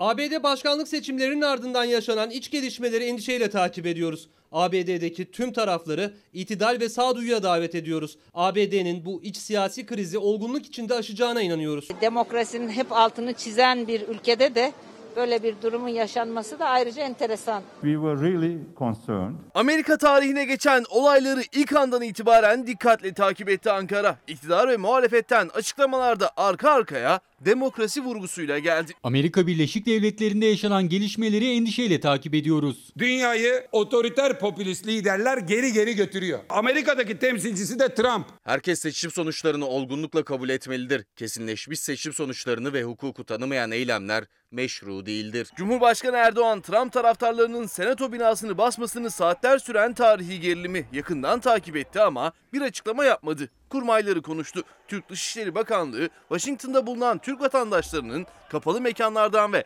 olayların olduğu bölgeden uzak durmasını istedi. Dışişleri Bakanı Mevlüt Çavuşoğlu da Amerika'da olanlar dünyanın tamamı için endişe vericiydi dedi. Olayların çözümlenmesinden memnunuz diye konuştu. Amerika Birleşik Devletleri'nde seçim sonuçlarını reddeden, demokrasiye hedef alan, endişeyle takip ettiğimiz sivil ayaklanma girişiminin ardından sorunun çözülmesi memnuniyet vericidir. Umarım süreç sandığın belirlediği şekilde ve huzur içinde tamamlanır. Herkesi terörist gören gösteren bir Trump. Tabii Türkiye'de siyaseti Trump gibi yapanları da vatandaşımızın takdirine bırakmak lazım. Onlar işte seçim sonuçlarını kabul etmezler. CHP Grup Başkan Vekili Özgür Özel, Trump'ın seçim sonuçlarını tanımayan ve ülkeyi gerilime sürükleyen tavrı üzerinden iktidara seslendi. Bizim Biden kazanmadı mesela o seçimleri. Tarafsızız. Ama sizin Trump kaybetti. Bütün dünyaya kendini de ülkesini de rezil etti. O yüzden kaybedersek bırakırız bırakmayız bilmem ne diye aklından geçiren herkesin Trump'tan tarihe geriye ne kaldığını iyi görmesi lazım. Bu konuya ilerleyen dakikalarda devam edeceğim. Aşı ve korona gündem, ekonomi, deprem, alınması gereken tedbirler gündem, Boğaziçi Üniversitesi gündem. Bu arada bugün çok kıymetli sanatçımız, inanın bana dünya çapında bir gitar virtüözü Ahmet Kanneci'yi de sevgiyle selamlıyorum ve ona bir sürpriz hazırladım bu sabah. Milliyetten Cumhuriyet'e geçelim. Bu neyin korkusu? Öğrencinin karşısına tank mı çıkaracaksınız diye muhalefet yönetmeliği sordu. Boğaziçi eylemlerinin sürdüğü dönemde terör ve toplumsal olaylarda Türk Silahlı Kuvvetleri'ne ait silah ve taşıtların bakan onayıyla emniyet ve MİT'e devredilmesini içeren yönetmelik tartışma çıkardı. CHP ve İyi Parti böyle bir değişikliği kim, neden gerek duymuştur soru işaretleriyle dolu diyerek açıklama istedi. CHP Grup Başkan Vekili Özgür Özel bu neyin korkusudur? Soylu'ya Boğaziçi'ne tank götürme izni mi? Tank mı çıkaracaksınız çocukların karşısına dedi. İyi Partili Aytun Çıray da hem demokrasimiz hem de kurumlarımız için tehlikeli. Kendi halkından şüphe eden bir anlayış görüyorum. Burada yorumunu yaptı efendim. Dün sizlere son dakika gelişmesi olarak bunu aktarmıştım. Bir sonraki gazete gelsin. CHP yayından erken çıkın talimatı. Özgür Özel. Bu telefondan haberdarız Fahrettin Bey. CHP Grup Başkan Vekili Özgür Özel, grup toplantısı haberiyle ilgili televizyonlara telefon edildiğini öne sürdü. Özel, İletişim Başkanlığından bir başkan yardımcısı CHP'nin grup toplantısından 10-15 dakika içinde çıkın. Bu telefondan haberdarız Fahrettin Bey. Bizzat başkanımızın ricasıdır diyorlar açıklamasını yaptı. Özgür Özel, İletişim Başkanı Fahrettin Altun için Recep Tayyip Erdoğan buralara nasıl geldi ayrı bir şey. Ama burada nasıl gideceğini en çok hızlandıran İletişim Başkanı'dır. Recep Tayyip Erdoğan'ın başındaki en büyük derttir dedi. Özgür Özel, MİT ve polise toplumsal olaylara müdahale için Türk Silahlı Kuvvetleri'ne ait silah ve taşıtları kullanma etkisi veren kararname için de yine tepkisini dile getirdi. Pencereden bir sonraki gazeteye geçelim. Dünya Gazetesi manşeti var. Tekrar etmek isterim. Türk iş dünyasını yakından tanıdığı bir isim Tamer Saka konuğumuz olacak. Hani sizlere bundan iki hafta kadar önce Mehmet Ali Yalçındağ'ın ve Türk iş adamlarının Ali Koç da dahil pek çok iş adamı devreye girmişti. Türk-Amerikan İş Adamları Konseyi Amerika'ya mektup yazmıştı. Tamer Sakay'la da bunları konuşacağız işte biraz sonra. Kripto para dünyasına yerli akını. Şebnem Turhan'ın haberi. Dünyadaki kripto para heyecanı Türkiye'yi de sardı. Kurumsal yatırımcının da girmesiyle içerideki işlem hacmi geçen yıl 10'a katlandı diyor efendim. Ekonomi dünyasına da detaylı olarak bakacağım. Ama hepinizin en çok da aşı ve aşıya dair gelişmeleri ilgiyle merak ettiğinizi, pek çok soru işaretine yanıt aradığınızı biliyoruz. Artık aşının Türk insanında etkili ve güvenilir olduğundan eminiz. Gelen ara sonuçlara göre aşının yeterince güvenli ve etkili olduğunu anlamış olduk ve acil kullanım onayı için süreci başlattık. Çin'den gelen aşıların analizleri sürerken Sağlık Bakanı Fahrettin Koca ara sonuçlarda aşının güvenli olduğu anlaşıldı dedi. Onay süreci için çalışmaların başlatıldığını duyurdu. Şu anda teslim edilen aşılar için güvenlik testleri devam etmektedir. Testler tamamlanır tamamlanmaz sonuçların uygun olması halinde acil kullanım onayı verilecektir. 2021 yılının ilk bilim kurulu toplantısının gündemi aşıydı. Toplantı sonrası alınan kararları, atılan adımları Sağlık Bakanı Fahrettin Koca açıkladı. Bakan Koca 50 milyon Çin aşısı için kesin anlaşma imzalandığını söyledi. Bugün itibariyle 50 milyon doz inaktif aşı için kesin anlaşma yapmış ve 3 milyon dozluk ilk bölümünü depolarımıza teslim almış durumdayız. Sağlık Bakanı Çin aşısının dışında Rusya ve İngiltere'de geliştirilen aşıların üreticileriyle de görüşüldüğünü vurguladı. Türk bilim insanlarının ürettiği Alman aşısı içinse anlaşmanın tamamlandığını açıkladı. mRNA temelli aşı için de bugün yine bir görüşme yaparak yeni tedarik planını gözden geçirdik.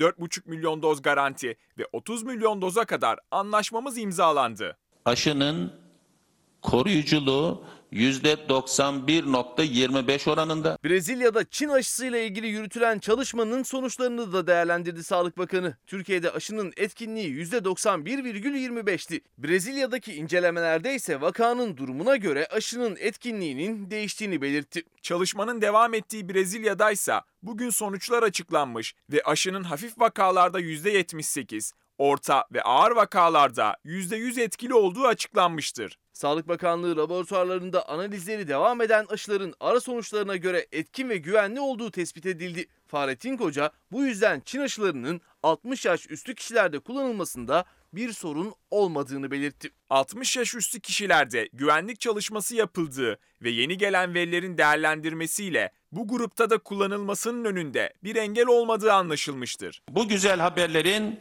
milletimiz için, insanlık için hayırlara vesile olmasını dilerim. Aşıya dair haberlerim var başka. Bu arada efendim Diyarbakır'da bir uçak düşmüştü. Ben de o zaman Sabah gazetesinde muhabirdim. Dinç Bilgin zamanı. Zafer Mutlu işin başında Fatih Çekirge Ankara temsilcisi. Diyarbakır'a gitmiştim. Gaffar Okan müdürümle o zaman tanışmıştım. Müthiş bir adamdı.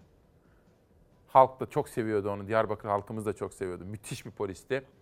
İşte onun üzerinden 18 yıl geçmiş efendim.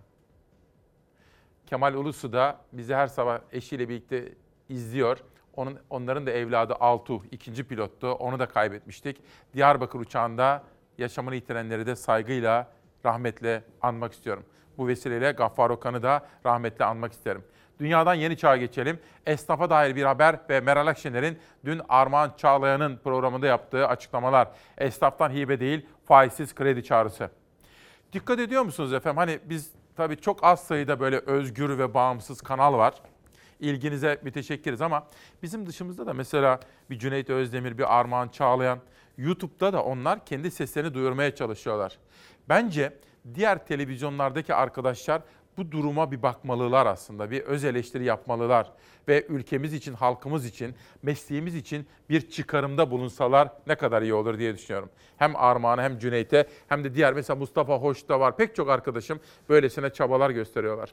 Esnaftan hibe değil faizsiz kredi çağrısı. Yeni Çağ'daki bu haberden direkt Meral Akşener'in dün akşam yaptığı açıklamalara gidelim. Hazır mıyız? İzleyelim. Seçim kazanma odaklı bir e, her şey mübah diye bir anlayış var. Ben bunu reddediyorum. İşte onu kırmak üzere, o perdeyi yıkmak üzere bir çalışmamız var. Hep beraber partimiz olarak. Vatandaşın bu tür e, kavgalar, gürültüler, çirkinlikler aslında vatandaşın tekrar dönüp söylemem lazım. işsiz gencin, e, işte e, esnafın, siftah yapamadan kapatan esnafın, e, kafelerin sahiplerinin, kahvelerin sahiplerinin, e, lokantaların sahiplerinin, orada çalışan insanların, bunlar küçük e, ilçelerden bahsediyorum. Tenceresi kaynamayan kadınların ve ben kadın olduğum için kulağıma gelip söylüyorlar. Kadınlar geliyor genellikle. Mesela EBA diye bir sistem üzerinden eğitim vardı şey, uzakta. Kadın gelip bana diyor ki, üç çocuğum var, evde bir televizyon var, bir tane de işte cep telefonu. Bu cep telefonundan birisi, şeyi birisi, tablet lazım veya işte notebook lazım. Ee, her gittiğim yerden 20-22 şey talebi oluyor. Bilgisayar, öyle diyelim adına, bilgisayar talebi oluyor. Bu arada siz geçilmeyen köprülere, e, gidilmeyen yollardan, e, yani e, tünellerden para alıyorsunuz, para e, veriyorsunuz oraları yapanlara ve e, talebenize notebook dağıtamıyorsunuz. Böyle bir şey olabilir mi? İşte bunları gündeme getirmek siyasetçinin görevidir. Biz de bunu yapmaya çalışıyoruz. Onun için ne söylerlerse söylesinler o lupun içine girmemeye kararımız var. Ama insanın da çelik gibi sinir lazım. E ben fena değilim. o da iyiyimdir. Meral Akşener ivmesini yukarıya doğru çevirmiş durumda. Belki de bir hata yapıyorum ama bilmiyorum. Bak şimdi danışmanım da beni uyarıyor. Aşı olunur veya aşı yapılır. Aşı vurulmak diye bir şey yok. Yok mu efendim? Aşı vur. Ben öyle öğrenmişim. Ama yanlışsa bunu düzelteceğim. Aşı vurulur diyorum ya ben zaman zaman. Doğru olduğunu düşünüyordum ama hiç düşünmemiştim. Aşı olunur, aşı yapılır. Peki bakalım ona. Düzeltmeler için teşekkür ederiz. Yeni çağdan evrensele geçelim. Metin güç ve cesaret vermeye devam ediyor. Tabii 25 yıl önce hayatını kaybetmişti Metin Gökdeve ve o gün bugündür işte saygıyla anılıyor kendisi. Sadık Güleç'in fotoğrafı eşliğinde bugün Evrensel Gazetesi'nde de Metin'i anıyorlar. Biz de Metin'i saygıyla anıyoruz. Muhabirlik bizim mesleğimizin özü, kökü ve ruhu muhabirliktir. Ben de her zaman muhabir olarak kalmaya gayret ediyorum. Ve Boğaziçi Üniversitesi'ne ilişkin bir tartışma ve bunun siyasete yansımaları.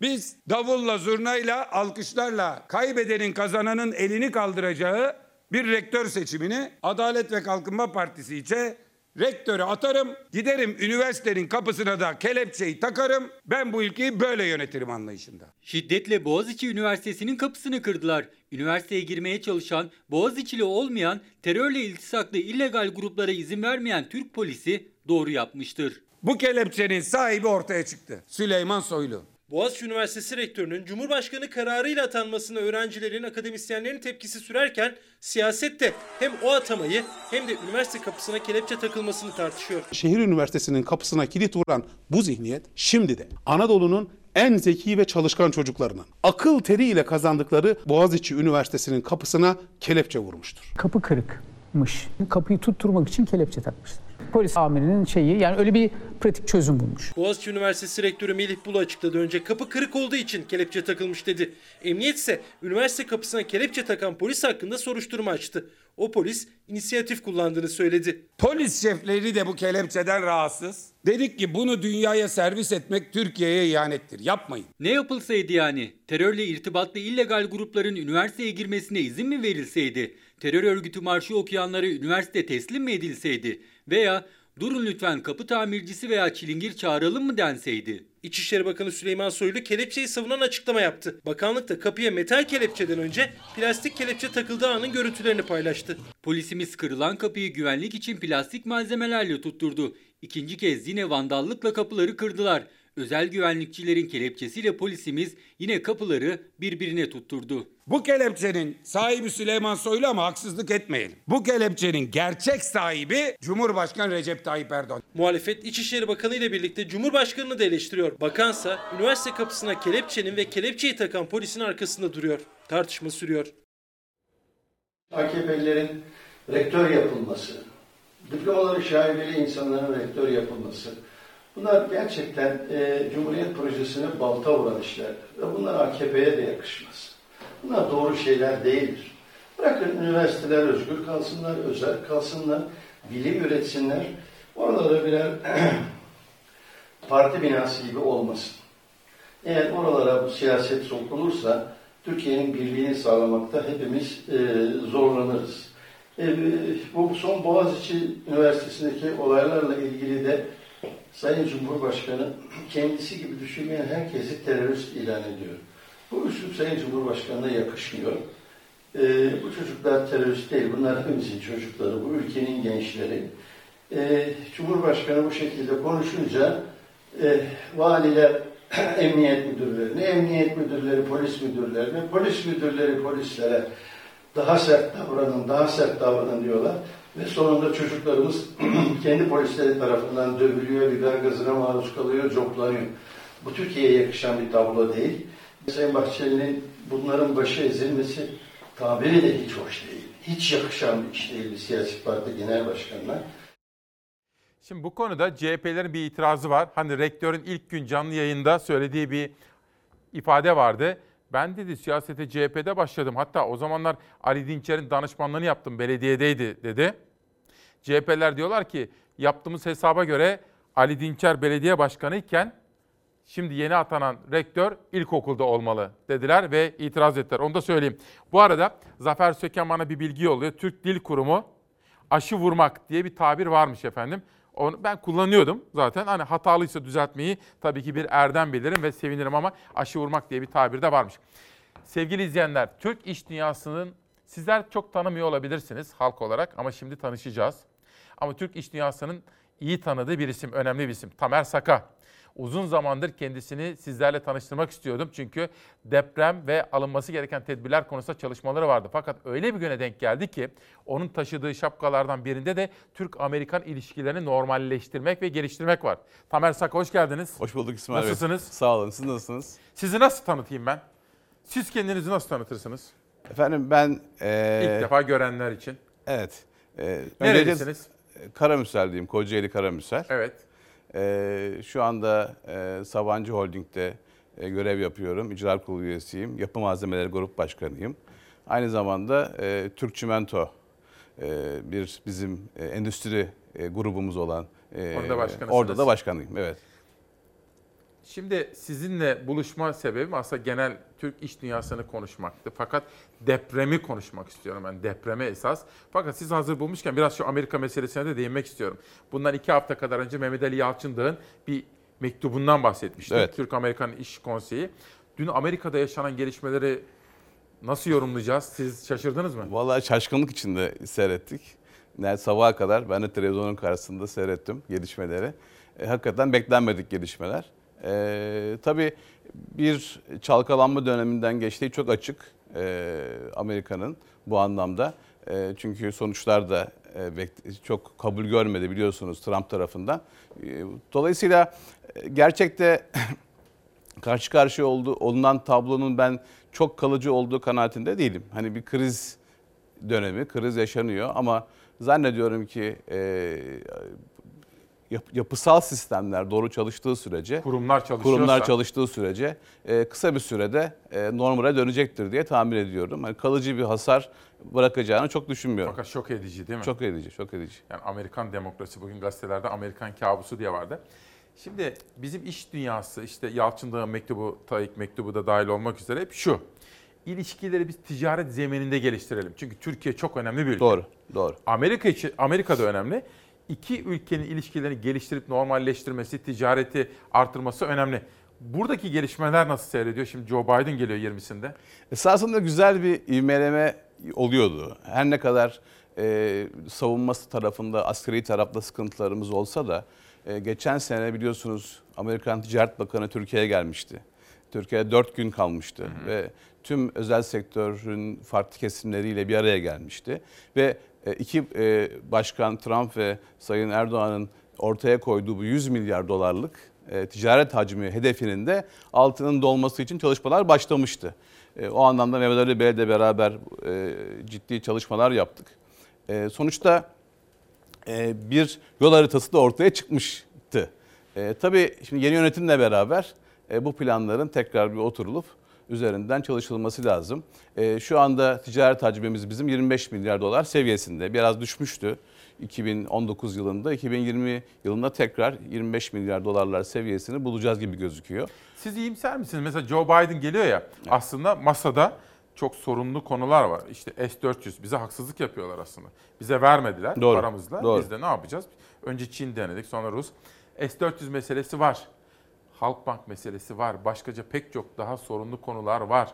Türkiye'deki demokratik kazanımlar meselesi, Amerika'nın bu konudaki ifadeleri var. İyimser Şöyle, misiniz? şöyle iyimserim. Ee, şimdi e, Trump döneminde, Başkan Trump döneminde daha bireysel ilişkilerin ön plana çıktığını gördük. İkili ilişkiler. Ve kurumların e, sağladığı katkıların e, maalesef arzu edilen seviyede olmadığını gördük. Ben bu o süreçte e, bulunduğum diğer şapkamla e, bu Amerikan Ticaret Odası e, eş başkanı şapkasıyla e, bayağı o çalışmaların içerisinde bulundum. Katkı vermeye çalıştım. Fakat çok ilerleyemedik esasında. Hani dıştan bakıldığı zaman daha hızlı ilerleniyor gözüktü ama e, maalesef yol alamadık. Şimdi bu yeni yönetimle beraber ki seçilen isimlere de baktığımız zaman bunları görüyoruz. Kurumların ve sistemin daha hızlı çalışacağını öngörebiliriz. Dolayısıyla sistem çalıştığı zaman bence bu e, haklılık haklı olduğumuz konuları masada daha iyi anlatabilme, izah edebilme imkanının da ben yakalanabileceğini düşünüyorum. E, daha daha olumlu bakıyorum resme. Peki. Şimdi biraz depremi konuşacağız. İzmir'de bir deprem yaşadık. Çok üzüldük ama üzülmekten daha fazla kaygılandık Doğru. bütün Türkiye için. Elazığ'da bir deprem yaşadık. Dün Elazığ'a Gürsel Erol ve Ali Öztunç 30 milletvekili gitti. Biraz sonra Elazığ'da bir bağlantı yapacağız. Elazığ depremi. Bununla ilgili fakat Sena Hanım diyor ki sevgili İsmail Bey liyakat kelimesinin de tam anlamını lütfen açıklar mısın? Zira yeni nesil biraz uzak bu kelimelere. Bu konuda bir görsel hazırlamıştık. Efendim liyakat işi hak edenin, işe yakışanın alınması, verilmesi. Bakın liyakat nedir? Türk Dil Kurumu'ndan bir kimsenin kendisine iş verilmeye uygunluk, yaraşırlık durumu. Bugün İsmail Küçükkaya Demokrasi Meydanı'nda liyakat esastır. Torpil değil, hak etmeyenin hak ettiği yere gelmesi değil. Bu tefessühe yol açar, toplumları çürütür. Çünkü hak eden hak ettiği yere gelirse ta eski Yunan'dan itibaren herkes görevini iyi şekilde yerine getirirse ideal topluma ulaşabiliriz. Tamer Bey size bir deprem sorusu soracağım. Ama Buyurun önce lütfen. bugün Kemal Ulusu. Bizi de her sabah izleyen babası da rahmetli Bülent Bey. çok önemlidir. Hayır, şimdi bak babası Atatürk'ün kütüphanecisi Ulusu. Ve bugün diyor ki bir denetim eksikliği var Türkiye'de tepeden tırnağa. Denetim Bakanlığı kurulsun diyor. Bunu da yeri gelmişken bir anlatmak istiyorum. Deprem ve alınması gereken tedbirler. Evet. Bu arada ben eski bir denetçi olarak da denetim konusunda da katıldığımı söyleyebilirim. Güzel. şey, beyefendi, Kemal Ulusu'ya. Kemal Bey'e. Şimdi e, bu e, biz Elazığ depremi, ilk Elazığ depremi geçen sene olduğu zaman Türk Çimento olarak e, bölgeye gittik hemen.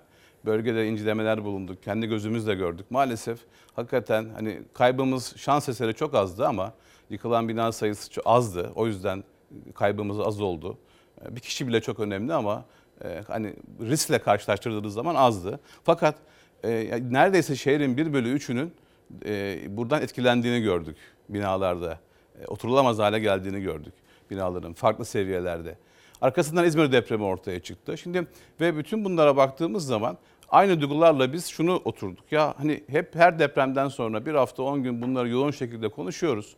Ama maalesef 99 depreminden bugüne dönüp geriye baktığımız zaman yapılan güzel şeyler var ama kaderi değiştirmeye yönelik bir e, akış olmadığını gördük.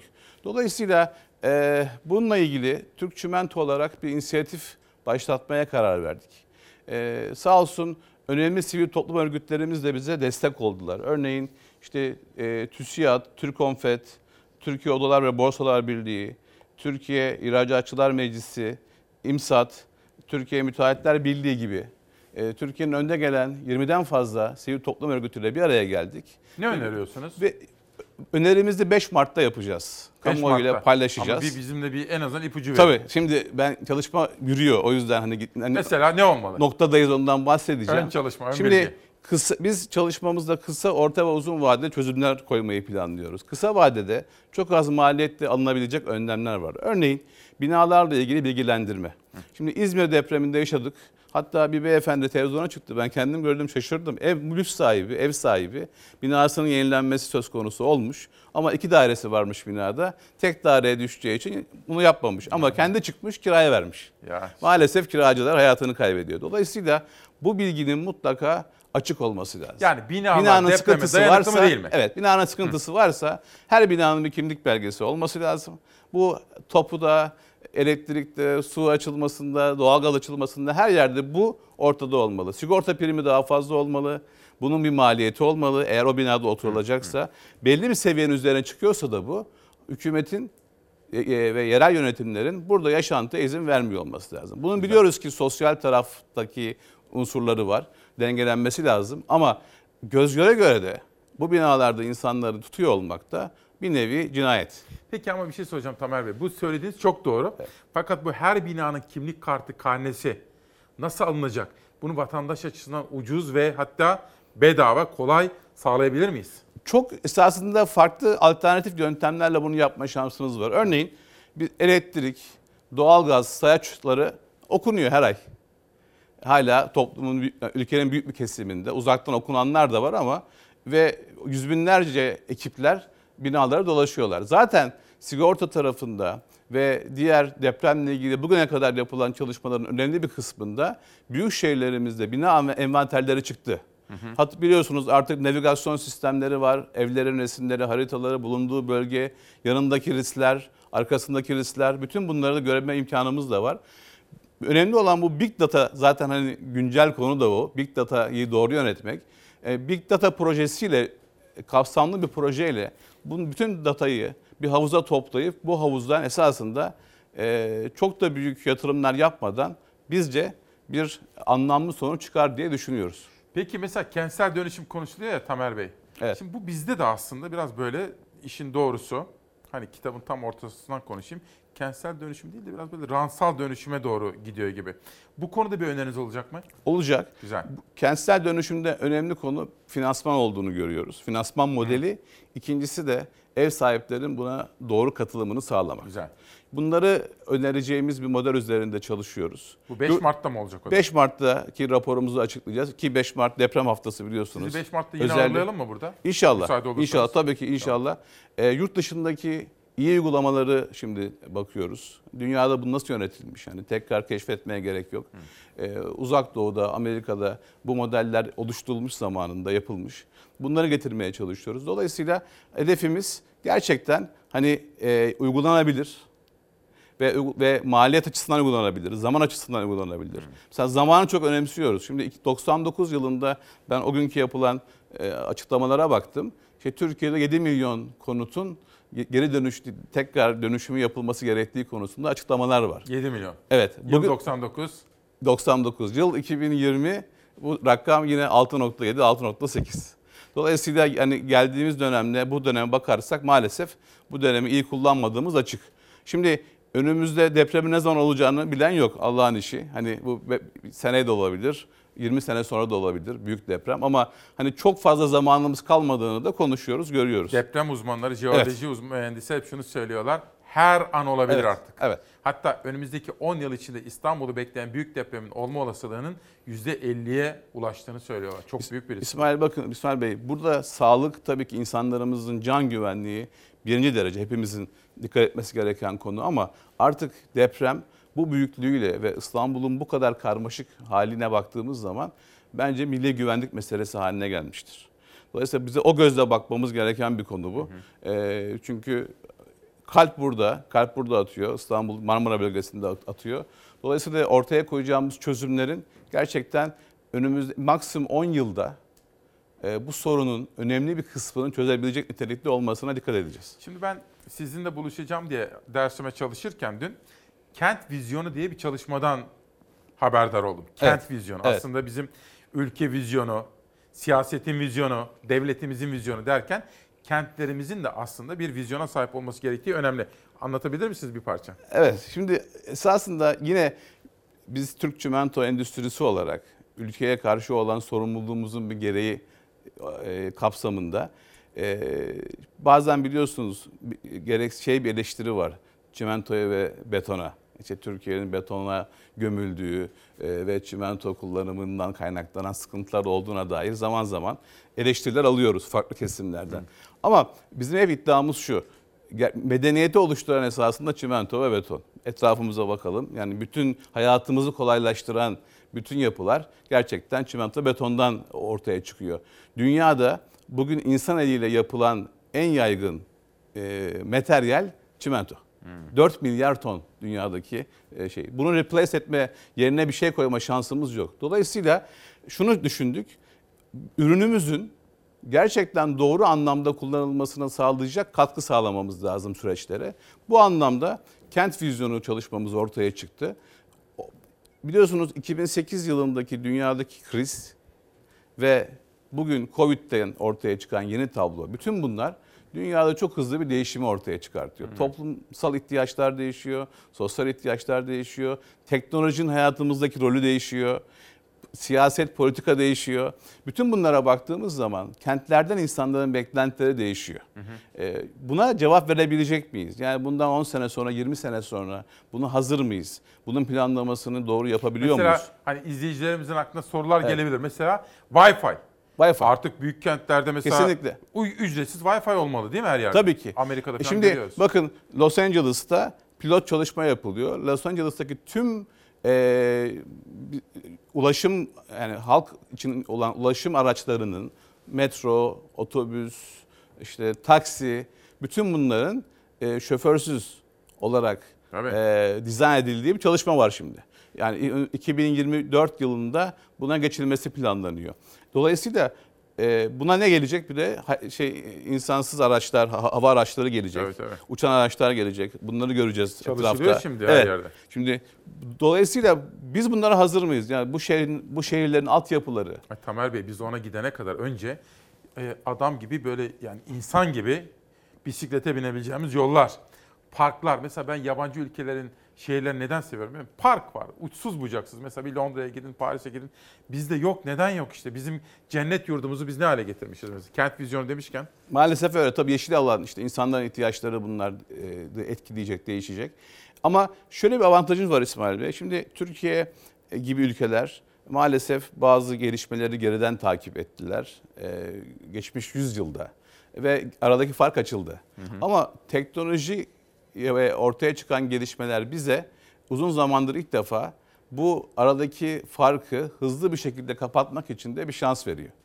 Biz eğer doğru planlamayı yaparsak, önümüzdeki 10 yıl, 20 yılla ilgili bugünden stratejik bir düşünceyi masaya koyabilirsek esasında aramızdaki farkı hızlı kapatabiliriz. Çünkü bütün bu konuştuğumuz konuları dünya da yeni konuşuyor. Biz aradaki farkı kapatmak için bu şansı doğru kullanmalıyız diye düşünüyoruz. Tamer Bey çok teşekkür ediyorum. Şimdi son bir soru sormak istiyorum size. Buyurun. Çok deneyimli bir isimsiniz. İzleyicilerimizin çoğu sizi ilk defa televizyonda görüyor ama iş dünyası sizi iyi tanıyor. Ben gıyabınızda çok iyi takip ettim sizi. Teşekkür ederim. Geleceğe baktığınızda bu güzel ülkede iyimser misiniz? Karamsar mısınız? Temkinli iyimserlik hani öyle İngilizce'de bir tabir var ya. Temkinli iyimser misiniz? Nasıl tanımlarsınız? Kesinlikle iyimserim. Öyle mi? Kesinlikle iyimserim. Bu ülkenin potansiyeli çok yüksek. Güzel. Halkımızın potansiyeli çok yüksek. Önemli olan işte hep belki vizyon kelimesini fazla kullanıyoruz ama gerçekten yeni bir hikaye, yeni bir vizyon Türkiye için çok e, oyun değiştirecek bir sonuç çıkartacaktır diye düşünüyorum. Çok teşekkür ediyorum Demokrasi olun. Meydanı'na katkı verdiniz. Bugün liyakat esastır dedik. Nasıl buldunuz etiketi? Harika, harika. Gerçekten her şeyin esası orada. Her şeyin esası orada. Bir Çalarsat gazetesini alabilir miyim İrfan'dan? Rica edeceğim. Efendim şimdi bir reklam arasına gideceğiz. Ben konuğumu uğurlayacağım. Sonra terasa çıkıp biraz nefes alacağım. Geleceğim. Halk ekmekle ilgili bir haber. Halk ekmek konusunda. Çiftçilerimize ve esnafımıza, kadınlarımıza dair haberler. Selahattin Demirtaş'la ilgili yapılmış bir haber. Lüzumsuz darbe tartışmalarına ilişkin bir manşet. Ve daha pek çok sürpriz sizleri bekliyor. Reklamlar dönüşte 11'e kadar devam ediyoruz. Efendim günaydın. 8 Ocak 2021 Cuma sabahında İsmail Küçükkaya ile Mavi bir sabahtasınız. Tam sizlerin de böyle canını istedecek bir çay istedim. Fakat çay böyle fincanda geldi. Tabii şık bir fincan ama Büşra'ya dedim ki Büşra öncelikle çok teşekkür ediyorum dedim. Ben böyle ince belli bardakta istiyorum. Çünkü ben köylüyüm dedim. Nasıl dedi? E dedim küçükken biz tarhana çorbasıyla kahvaltı yapardık. Çayı içeceksek de ince belli bardakta içeceğiz. Böyle görünsün. Onun için öyle bir muhabbet yapmıştık da. Efendim günaydın.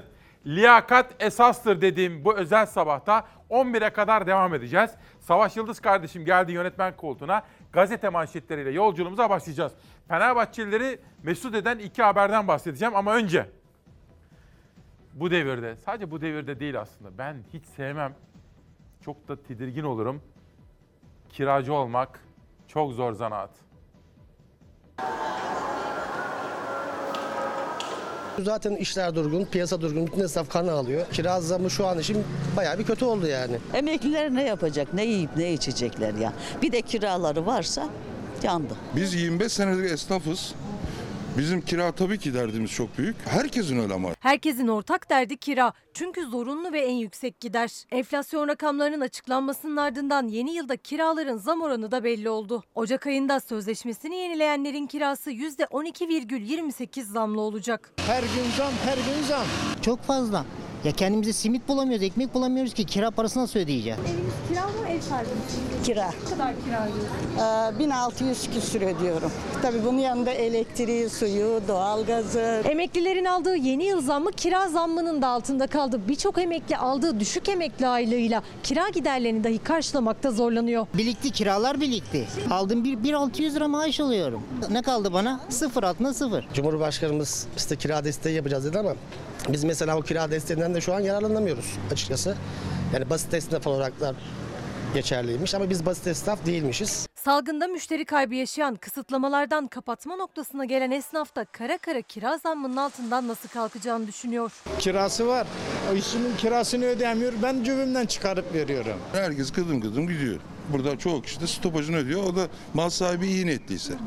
İyi niyetli değilse bir de süreç belli değil. Bir sene mi, altı ay mı? Bakırköy'de sadece paket servisle faaliyete devam eden bir lokanta burası. Kirası 15 bin liraydı. Gelen zamdan sonra neredeyse 2 bin liraya yakın yükseldi. Zaten iş yapamayan esnaf destek beklerken bu zamla birlikte yükü daha da arttı. Alınacak miktar belli, satılan miktar belli. Dükkanımızın yarısı kapalı, üstler kapalı, bu taraftaki salon kapalı. Ama bizim de buraya kadar bir haddimiz var. İşçinin parasını vermekten kiranın parasını hesaplayamıyoruz yani. Esnaf da emekli de ev ya da mal sahibiyle uzlaşma çabasında. Mal sahibi konuşacağız, orta yol bulmaya çalışacağız sonuç olarak. Piyasa malum zaten. Hani mal sahipleri inşallah zam yapmazlar yani.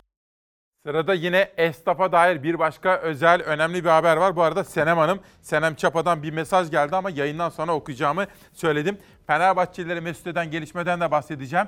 Esnafa ilişkin Korkusuz gazetesinde bir haber ve Meral Akşener'in söyledikleri var. Fakat yönetmenim beni uyarıyor. Bir kaza İstanbul'da trafik durma noktası. Oo, bakın burası İstanbul'da E5. Burası metrobüs yolu bakın. Tam yerini söyleyeyim. Haramidere burası. Avcılar yönüne doğru trafik durma noktasına gelmiş ve uzun bir kuyruk oluşmuş. Bu kazada can kaybı yok. Tır sürücüsünün hafif yaralandığına dair gelişmeler var. Şu anda gördüğünüz bu görüntü canlı yayında ajanslardan bize akan bir görüntü. Bakın yan taraftan kontrol altına alınmış ama orada bir kaza ve o kazadan dolayı trafik durma noktasına gelmiş. Arkadaşlarım dikkatle takip ediyorlar. Herhangi bir gelişme olursa ek bir bilgi sizlere aktaracağım. Ama neyse ki şükürler olsun bir can kaybı olmadığı, bu kazada tır sürücüsünün hafif şekilde yaralandığı belirtiliyor. Bölgede trafik ekip ve ekipmanları da çalışmaları hızlandırmışlar. Trafiğin tamamen açılması için de çalışmalar sürdürülüyor. Haramidere'deki bu görüntüyü sizlere aktaralım. Ve gazete manşetleri fanatik, Fenerbahçeli Mutlu Mesut. Tabii hem ligin en iyi futbol oynayan takımlarından Alanya Spor'u yendiler. Hem de Başakşehir karşısında galibiyetle başlayan seriyi sürdürdüler. Üstelik de Ali Koç'un başkanlığında mutlak şampiyonluk parolasıyla girdikleri bu sezonda dünya çapındaki bir yıldız Mesut Özil'i renklerine katacak olmanın heyecanı içerisindeler. Fenerbahçeleri kutluyor ve bir sonraki gazeteye geçiyorum. Korkusuz gazetesinde esnaf ve Akşener'in esnafla olan diyalogları var. Meral abla diyor, Meral abla çok zordayız. İyi Parti lideri esnafa bir dokundu, bin ah işitti. Fırıncıya gitti, Nisan'da verilen kredilerin ödemesi geldi, cepte para yok yanıtını aldı. Kasaba uğradı, halkın alım gücü düştü. En fazla yarım kilo et satabiliyoruz dedi. Fırıncıdan kasaba, kasaptan manava geçtiği zaman İyi Parti lideri Akşener kar etmeden mal satalım diyoruz. Onu da alan yok dedi esnaf. Oradan da tuhafiyeci dükkanına uğradı. Selamun aleyküm aleyküm selam diyerek dükkana girdi ve kiralarımız dağ gibi birikti. Vergi borcu da olduğu gibi duruyor dedi efendim. Ve sırada İyi Parti liderinin esnafa ilişkin haberi. İşler, esnaf tarihinin en büyük sıkıntılı zamanlarını yaşıyor 10 aydır efendim. Burada yaklaşık 400 bin liralık mallar var. Esnaf kefarede borcumuz var, vergi borcumuz var. Kredi çekmeyen hiçbir esnaf yok ki başkanım. Torba intibak yasası ve yeterli oranda zam bekleye bekleye bir türlü ayağa kalkamadan ahirete gidiyoruz. Emekliye emekliye. Şiirle anlatan da oldu, rakamlarla anlatan da. Aylardır biriken kira vergi borçlarından esnaf Meral Akşener'i dert yandı. Kaç kişi çalışıyorsunuz? Pandemi sürecinde 3 kişi. Onun haricinde 10 kişi. Günlük 20-30 kilo arası satıyorduk. Şu an 8-10 kilo. Çorba satıyorduk, sulu yemeğimiz vardı, pidemiz vardı, ızgaramız vardı. Hiçbirini satamıyorduk. Haftalık 1 kilo et alan kişiler hala aynı miktarda alıyor musunuz? Çok zor durumda şu anda. 1 kilo alan yarım kilo alacak. İyi Parti lideri Meral Akşener bu kez başkentin ilçelerindeydi. Beypazarı ve Nallıhan'da esnafı ziyaret etti. Sorunlarını dinledi. İşler nasıl? İşlerimiz düşük başkanım. Yani pandemi en çok bu giyim sektörünü Evet, vurdu. Okul yok, çocuk çıkmıyor. E biz kime satacağız bu malı? Kiralarımız birikti. Vergi borcuna indirim gidiyor. E, faiziyle beraber taksit yapıyor. E kardeşim zaten biz bunu ödeyemiyoruz ki. Sen bunu taksit yapsan ne olacak? Onu da ödeyemeyeceğiz biz. Nisan'da çekilen kredilerimizin günleri geldi. Onları tekrar krediyle çekebilirsek çevirmeye çalışıyoruz. Eğer esnafımıza el atılmazsa İşte ben ben, size Ocak, Şubat, Mart ayını nasıl çıkaracağız onu düşünüyoruz şu anda. 200 koli haftalık yumurta tüketirken 50 koliye düştü. İmalatta 8 personel çalışıyordu, 2 personele düşürdüler. Ay bu çok feci bir şey. Pandemi döneminde işleri azalan esnaf en çok da kredi ve vergi borçlarından yakındı. Krediler inan boğuluyor insan yani. Çünkü esnaf sıkıntıya düştüğünde bizim bir daha kalkmamız çok zor. Çok zor. Vergi borcunu sil demiyoruz. Sen bir 6 ay önümüzü aç. Esnaf kefaret parası 3 ay ertelendi. Ha bu ay yine ödeyeceğiz. Nasıl ödeyeceğiz bilmiyoruz. Sırada siyasetin en çok konuşulan hukuk dünyasından yansıyan bir haberi var. Selahattin Demirtaş manşeti ve bir haber. Bu arada Arda Öztaşkın'a teşekkür ediyorum. Arda Öztaşkın'la birlikte Nazlı Çil'e teşekkür ediyorum.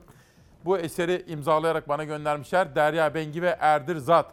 100. yılında Cumhuriyet'in popüler kültür haritası. Her savaştan bir yara. Merak ettiğim bir kitaptı. Elime bu sabah itibariyle geçti. Hafta sonunda şöyle kapanma da var hazır. Ben de okuyayım bu kitabı.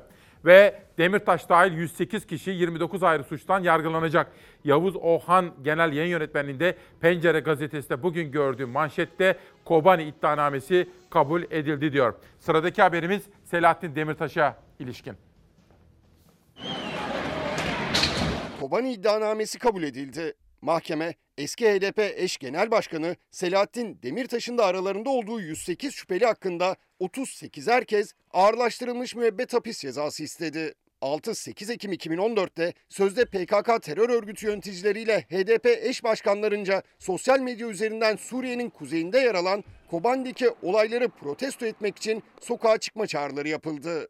O çağrı sonrası terör örgütü PKK'nın gençlik yapılanması İstanbul, Ankara, Bursa ve Diyarbakır başta olmak üzere 35 il ve 96 ilçede yasa dışı gösteriler başlattı. Güvenlik güçleri ve siviller hedef alındı. Olaylarda 37 kişi hayatını kaybetti, 761 kişi yaralandı. Okullar yakıldı, yüzlerce kamu binası tahrip edildi. 6-8 Ekim 2014'te düzenlenen eylemlere ilişkin aralarında eski HDP eş genel başkanı Selahattin Demirtaş'ın da olduğu 108 sanık hakkında Ankara Cumhuriyet Başsavcılığı iddianame hazırladı. Ankara 22. Ağır Ceza Mahkemesi de iddianameyi kabul etti. İddianamede HDP eski eş genel başkanı Selahattin Demirtaş'la Figen Yüksekdağ'ında aralarında bulunduğu 108 sanık hakkında 38 herkes ağırlaştırılmış müebbet hapis cezası istendi. Sanıkların tamamı yaşanan olayları organize etmekle ve örgütün talimat bütünlüğü içerisinde sokak olaylarını ülke geneline yayıp terör olaylarına kitlesel boyut kazandırmakla suçlandı. Örgüt yöneticisi olmakla suçlanan sanıklar tüm suçlardan ayrı ayrı sorumlu tutuldu. 108 sanığın yargılanması Ankara 22. Ağır Ceza Mahkemesi'nde yapılacak. Selahattin Demirtaş Edirne Kapalı Cezaevinde tutuklu durumda bulunuyor. Ve bir de darbe tartışmaları var biliyorsunuz. Ne demiştim ben dün? Hadi bir imtihan yapayım sizlere. İzin verir misiniz? Ben dün bu darbe, tesettür, başörtüsü ne demiştim? Bunlar geride kaldı demiştim. Bitti. Türkiye çoktan aştı onları. Ne darbesi? İktidarı beğenmiyorsak seçimle değiştireceğiz. Başörtülü artık hakim var, subay var, milletvekili var, her yerde, televizyonlarda var. Dolayısıyla bu meseleler tarihin tozlu raflarındaki yerini aldı. Bir daha bu maddelerle halk oyalanmamalı. Siyaset gücünü boşa tüketmemeli. Ya neyle tüketmeli siyaset gücünü? Ekonomi, işsizlik, yoksulluk, yolsuzluk, işsize iş bulmak, emeklinin hayat standartlarını yükseltmek, emeklilikte yaşa takılanların, 3600 ek gösterge bekleyen polisin, hemşirenin, din diyanet görevlilerinin taleplerini yerine getirmek. Bir başka ekonomi haberi analiz. Altın üretiminde 42 tonla rekor kırdık. Altın üretimiyle ekonomiye 2.4 milyar dolarlık katkı sağlandı. Bu sözler de Enerji ve Tabii Kaynaklar Bakanı Fatih Dönmez'e ait ve Analiz gazetesinde manşetinde. Dedim ya boş bir tartışma. Tartışmayı izlerken de izlememiz gerekiyor, anlamamız gerekiyor.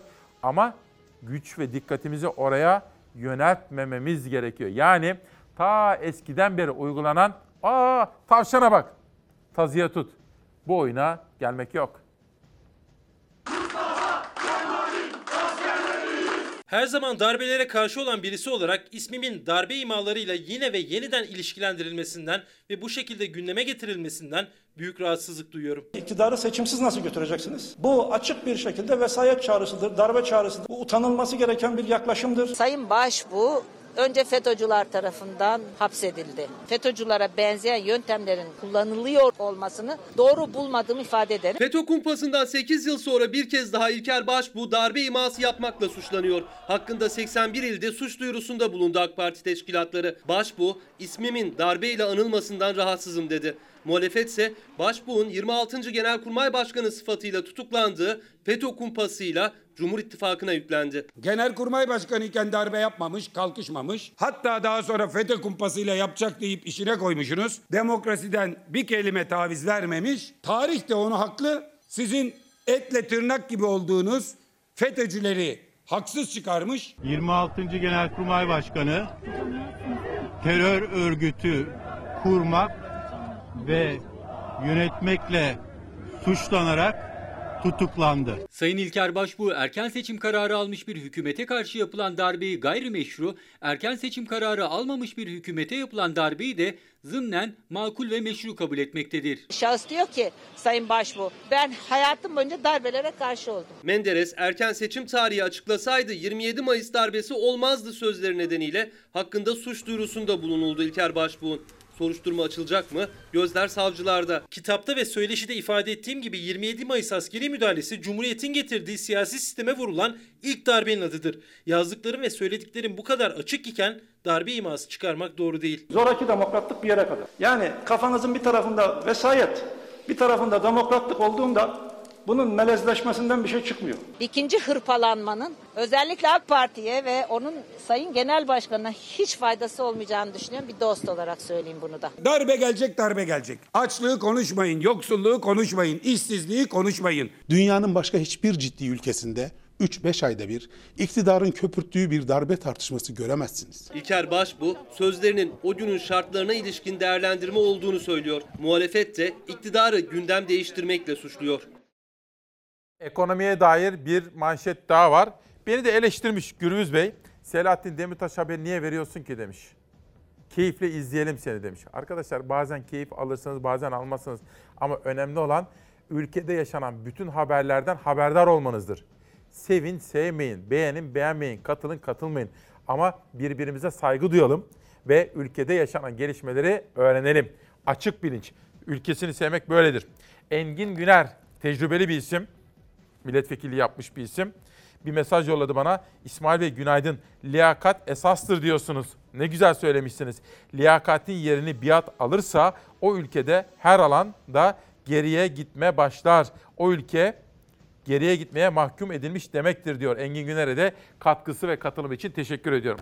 Ekonomiye dair bir haber daha var efendim ama önce şu kitabı tanıtalım.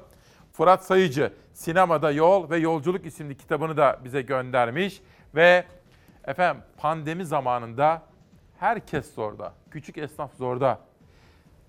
Yıllar yılı yaptıkları yatırımlarla, harcamalarıyla marka haline gelenler de çok ciddi zorluk yaşıyor.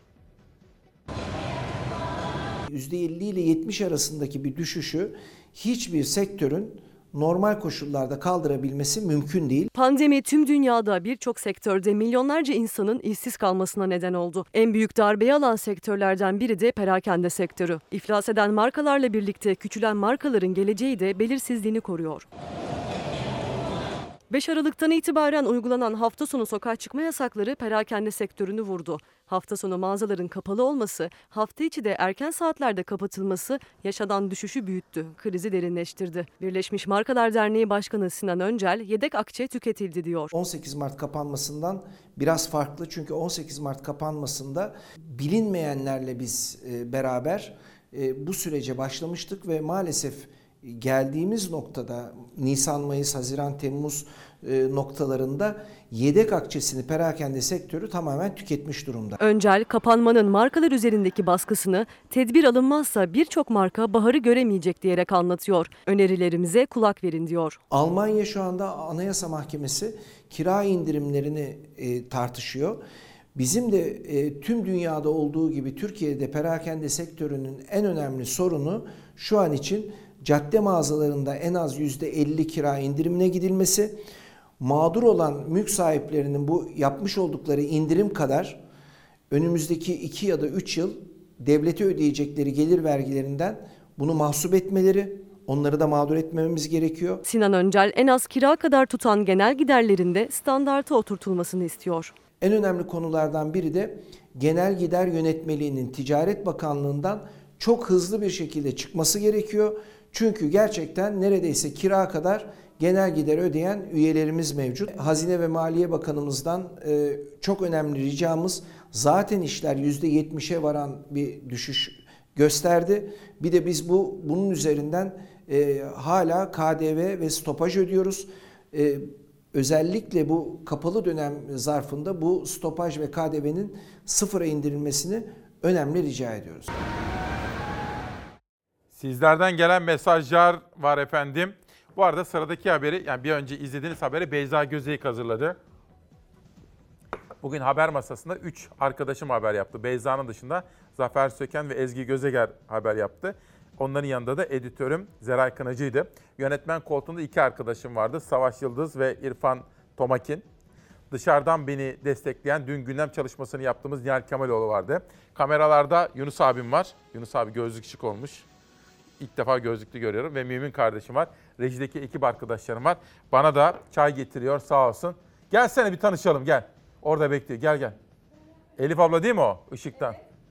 Tam ekipten bahsederken Nasılsın Elif abla? İyiyim, teşekkür Çok ederim. şıksın. Nasılsınız? Çok, çok Orada bekliyordu. Ben şimdi bir de kahve istedim de çok Evet. teşekkür ederim. Çok İyisin sağ değil mi? Çok çok teşekkürler. Sizi görünce daha çok iyi oluyorum. Sağ ol. Eline sağlık. Çok teşekkürler.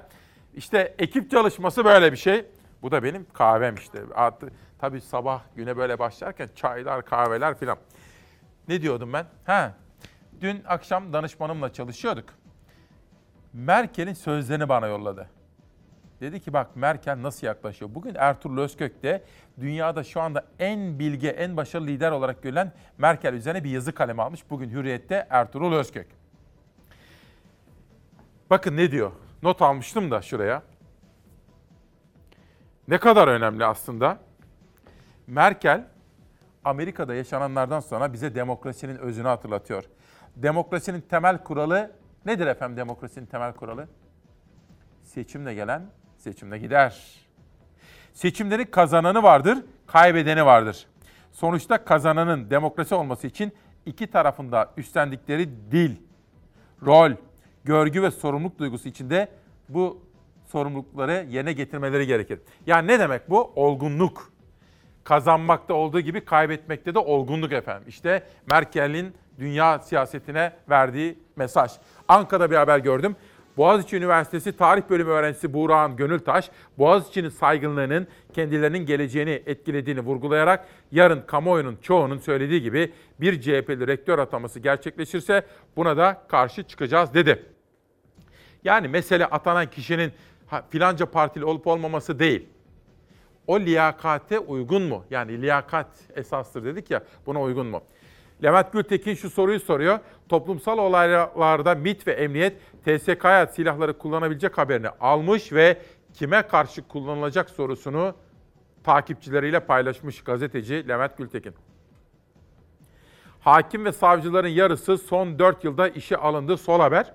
Tabi neden böyle olduğunu sorguluyorsanız zamanında FETÖ'ye yargının %60'ı verildiği için FETÖ taşeron olarak kullanılıyor ya terör örgütleri gibi.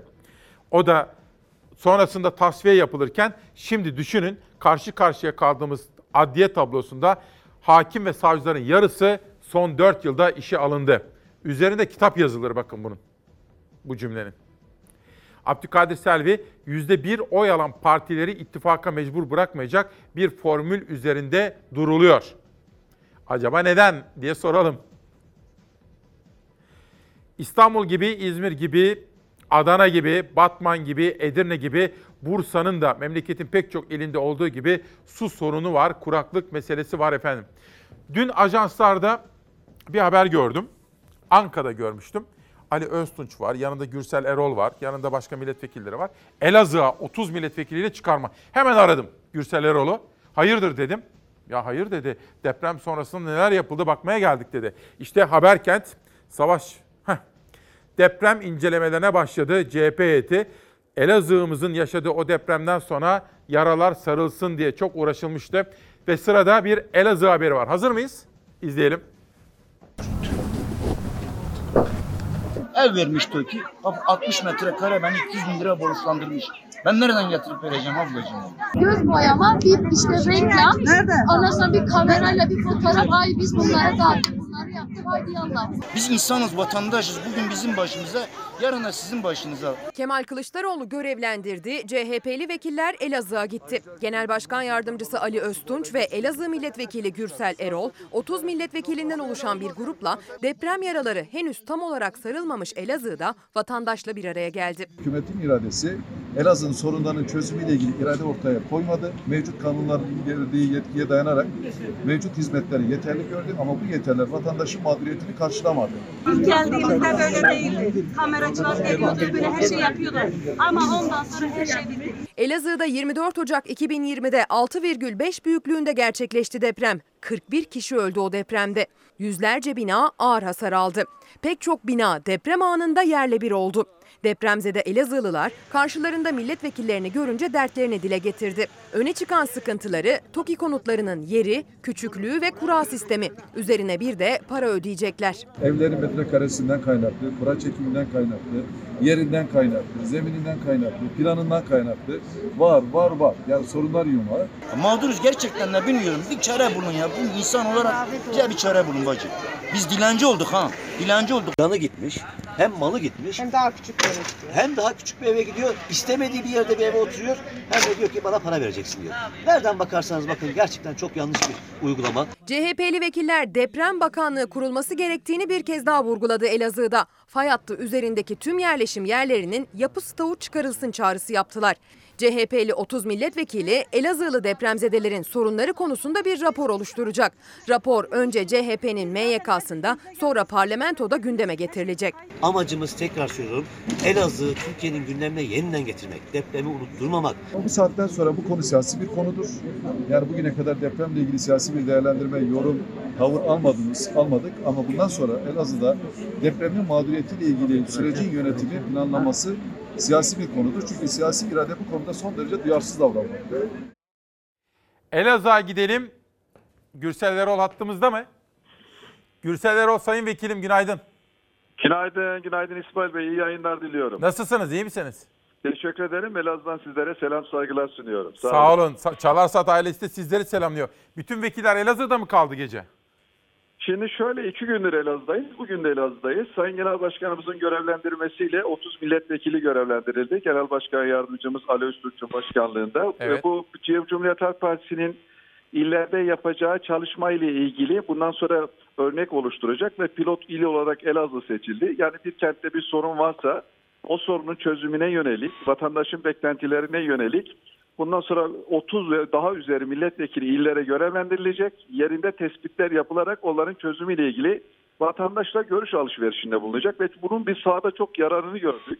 Yani gerçekten e, 2-3 kişilik milletvekili heyeti değil ama 30-40 kişilik milletvekili heyeti gittiğiniz zaman daha yaygın bir kitleyle muhatap olabiliyorsunuz. Vatandaş size daha rahat ulaşabiliyor, sorunu daha rahat iletebiliyor, sohbet edebiliyor ve bunun bence çözüm odaklı bir dile dönüştürülmesi anlamında çok başarılı bir çalışma olarak görüyor. Güzel. Çünkü halkımızla buluşmak önemli. Bütün partilerin bunu yapmasını istiyoruz. Biz AK Parti, CHP, MHP, HDP, İyi Parti her partiden. Gürsel Bey, izlenimleriniz nedir? Elazığlı'nın isteği, beklentisi, mutluluğu, derdi, talebi nedir? Şimdi tabii 2020 yılına mutsuzluk ve umutsuzlukla başlayan bir kenti milletvekiliyim. Yani 24 Ocak gecesi Elazığ'da yaşanan deprem sonrası 3 bina yıkıldı ama e, yaklaşık 14 bin binanın yıkımına karar verildi. Bu 14 bin binanın yıkımı hala devam ediyor Elazığ'da. Daha sonra dev 24 Ocak depreminden sonra devam eden artçı depremlerden kaynaklı orta hasarlı diye tanımlanan binalarda da çökme riski var.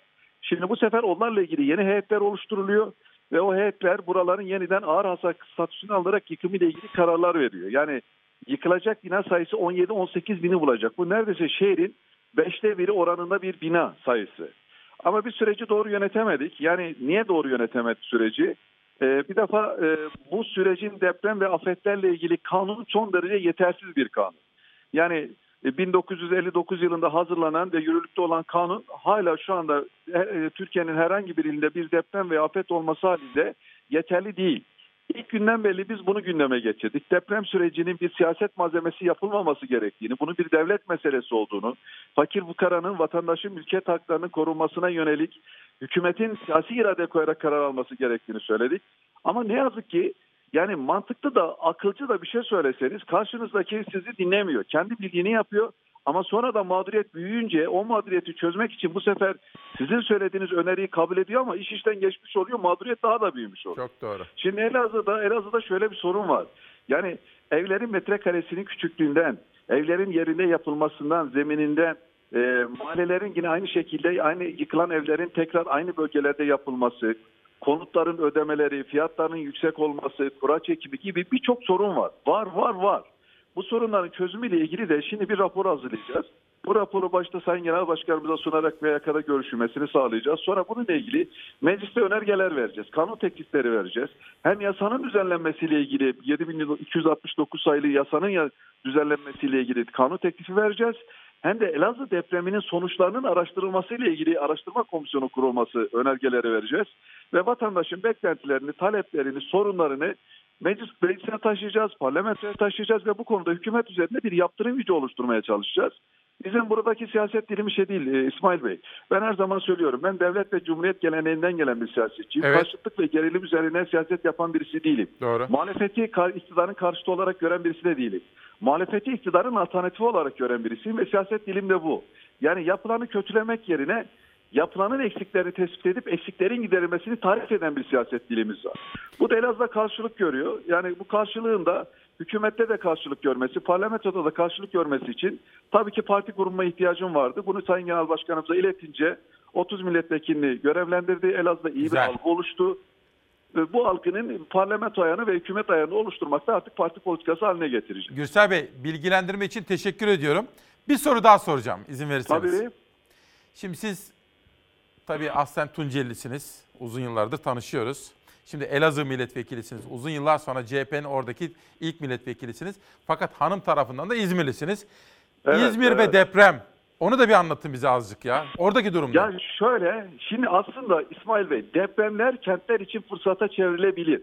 Ne anlamda fırsata çevrilebilir? Eğer çok yıkım yoksa, can kaybı yoksa şehrin yeniden planlaması ile ilgili, kötü yapı stoğunun yenilenmesiyle ilgili, deprem yönetmenine yönelik binaların yapılması ile ilgili, yeni yolların, bulvarların açılması, yeni yeşil alanların sosyal donatıların yapılması ile ilgili fırsata çevrilebilir. Yani deprem sürecini değerlendirmek yalnızca yıkılan binanın yerine yeni binayı yapmak değil. Tam tersine depremden kaynaklı yaşanan sorunlarla ilgili ve süreci doğru yönetip kente bir yeni kimlik kazandırma şansı var. Mesela biz Elazığ'da onu başaramadık. Yani mahalleler, sokaklar çok iç içeydi. Yeni caddeler açamadık, yeni bulvarlar açamadık, yeni yeşil alan açamadık. Ama ben şeyi söylüyorum, e, Genel Başkan Yardımcımız bunu Deprem Bakanlığı olarak ifade etti ama Afet Bakanlığı'na bu ülkenin ihtiyacı var. Şimdi bakın sel baskını oluyor, İçişleri Bakanı orada. Orman yangını var, İçişleri Bakanı orada. Çığ düşüyor, İçişleri Bakanı orada. E, deprem oluyor, İçişleri Bakanı orada. Yani İçişleri Bakanı zaten ülkenin güvenlik sorununa ilgilenen bir numaralı kişi olduğu için zaten inanılmaz bir iş yoğunluğu var. Deprem Bakanlığı kurulmalı, Afet İşleri Başkanlığı Deprem Bakanlığı'na veya Afet Bakanlığı'na bağlanmalı ve bu işlerle e, sürekli ilgilenebilecek altyapısının oluşturulduğu bir bakanlığa ihtiyaç var. Bunu, bu benim önerim de değil. Bu aslında 1999 yılında Marmara depremi sonrası mecliste kurulan araştırma komisyonunun önerisi. İşte o dönem komisyon başkanı da Abdülkadir Aksu, İçişleri Bakanlığı yapmış. Onun önerisi de bu. Yani mutlaka Afet Bakanlığı'na veya Deprem Bakanlığı'na bu ülkenin bir an önce geçmesi lazım ve kurulması lazım. Yani her ilin kendi özelliğine göre, Peki. oradaki valinin, siyasetçinin veya bakanın bakış açısına göre mağduriyetlerin çözümüyle ilgili bir ortak anlayış ortaya çıkmamalı. Yani devlet bir mağduriyet karşısında nerede ne yapacağını kanuna bağlamalı. Onunla ilgili de işin organizasyonu üstlenecek bir muhatap bakanlığa ihtiyacı var. Aslında o kadar doğru yerden, o kadar net partiler üstü açıklama yapıyorsunuz ki Gürsel Bey, İzmir Büyükşehir Belediyesi'nin binası bile tahliye edildi. Evet, Güvenli bina evet. değil, yeni bina yapılacak. Evet. Orası tahliye edildi. Bakın düşünsenize Türkiye'm. Memleketin temel meselesi bu. Belki de Gürsel Erol'un dediğini bir an evvel yapmak lazım. Cumhurbaşkanı Sayın Erdoğan bizi duyuyorsa deprem bakanlığı kurmamız gerekir. Gürsel Bey çok teşekkür ediyorum. Son bir cümleniz var mı? İsmail Bey, e, ayrıca şunu da söylüyorum. Şimdi illerdeki kentsel dönüşüm yetkisi Çevre ve Şehircilik Bakanlığı'nda. Deprem riski olan illerde bu yetkinin o ilin belediyesine verilmesi lazım. Yani hangi bölgede kentsel dönüşümün yapılacağını belediyesi karar vermeli ve kentsel dönüşüm yapılacak binalarla ilgili kredilerin de normal deprem konutlarıyla aynı eşdeğer olması lazım. Yani sorun yaşandıktan sonra müdahale de önemli değil. Sorun yaşanmadan müdahale edip depreme hazırlanabilir. Ama bir şey diyeceğim. Bu söylediğiniz son öneriyi yani illerde belediyelerin devreye sokulması önerisini en son yapılan yerel seçimden önce söyleseydiniz yaparlardı ama şimdi herhalde yapmazlar.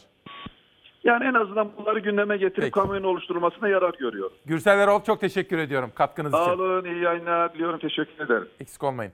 Efendim şimdi bir reklam arasına gideceğiz. Sonra 11'e kadar devam edeceğiz. Orada ne var? Bir halk ekmek haberi var. Bir korona haberi var. Ahmet Kanlıcı bir sürprizim var. Hamsi sever misiniz? Ben çok severim hamsiyi.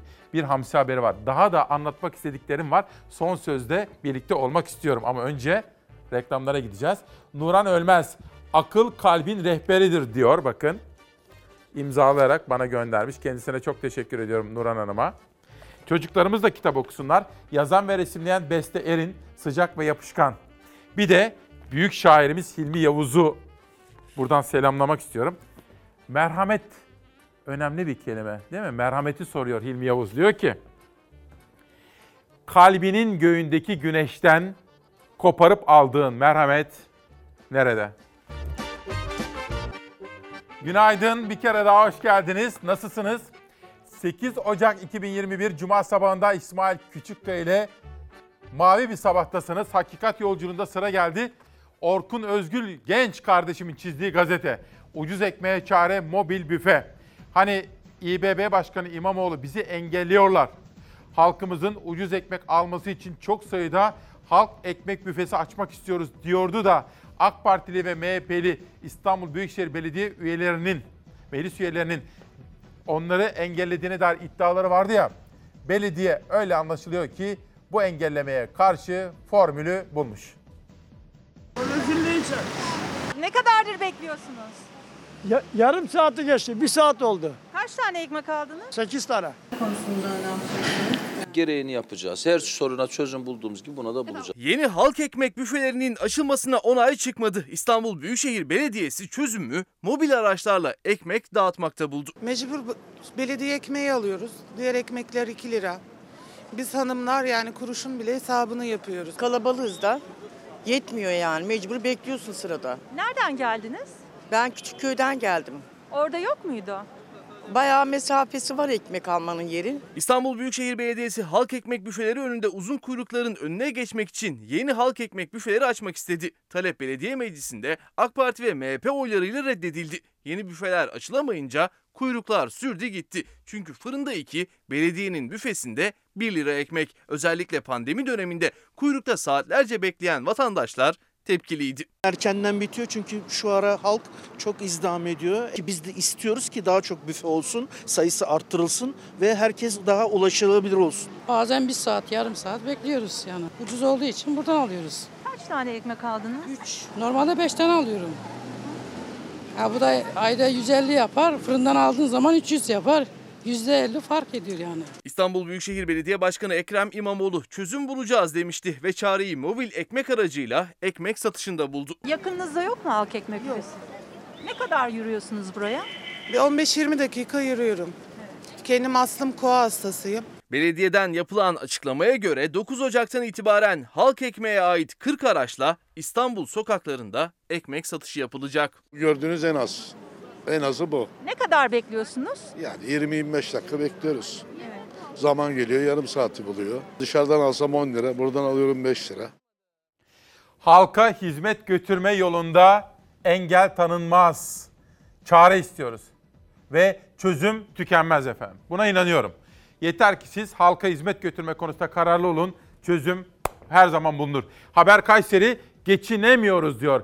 Vatandaş İyi Partili Kazım Yücel'e böyle dert yandı. İyi Parti Kayseri Büyükşehir Belediye Meclisi Grup Başkan Vekili Kazım Yücel Cumhuriyet Meydanı'nda vatandaşı dinledi ama bir dokundu, bin ah işitti. Ve sıradaki haberimiz çiftçilerimize dair. Köylü olmak suç mu kardeşim? Çiftçi olmak suç mu? Toprağı sevmek suç mu? Biz toprağı sevdik, gönül verdik. Mustafa Kemal Atatürk demiş ta yıl- yıllar önce. Köylü milletin efendisidir ama bu mu efendilik? Bir holding kadar bizim değerimiz yok mu? Bizim borçlarımız neden taksitlendirilmedi? Çiftçiler borçlarının taksitlendirilmesini, faizlerinin silinmesini istiyor. Kimi Sivas'tan geldi, kimi Uşak'tan. Tarım Bakanlığı önünde toplandılar, sorunlarına bir muhatap aradılar.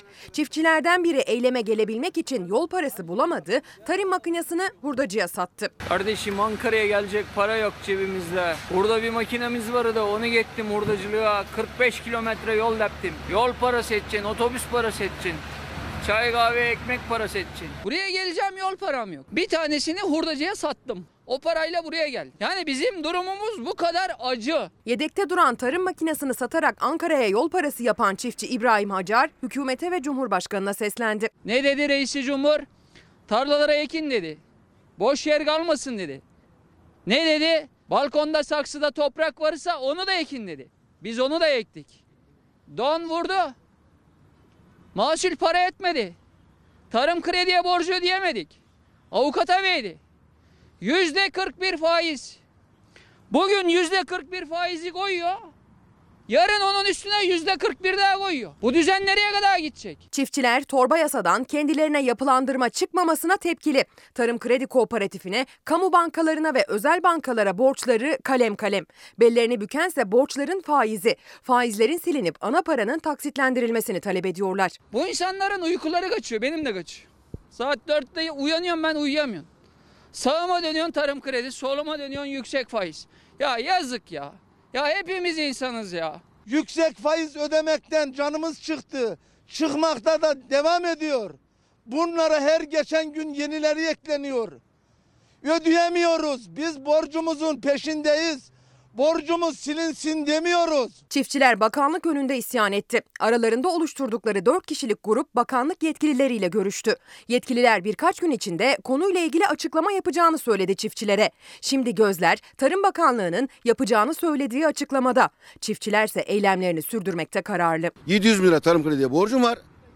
Bir gittim ödemeye iki, yeni parayla 2 milyon 300 bin lira benden para istediler.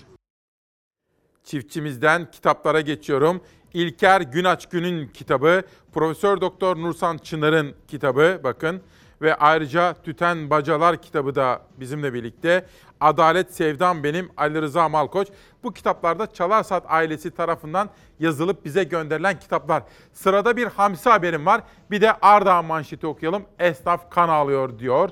Türkiye ve dünyayı da dize getiren koronavirüs pandemi etkisi ekonomide her geçen gün daha ağır tahribat yaratıyor ve esnafımız Ardahanlı esnafımız da bundan dert yanıyor. Sizi bilmem ama ben çıtır çıtır hamsiyi Aa bu arada Talih Yücel anne Giresun. Hamsili pilavı da çok severim.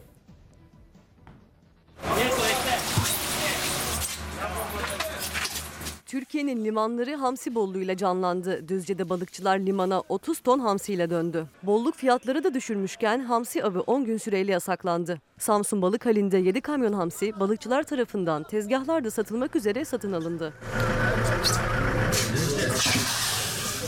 Kilosu 30 liraydı, bollukla beraber fiyatlar düştü. 10 ila 20 lira arasında satılan hamsiye hafta sonu kısıtlama öncesi büyük rağbet vardı. Rağbete bir de hamsi avı yasağının haberi eklenince kamyonlarca hamsi anında tükendi.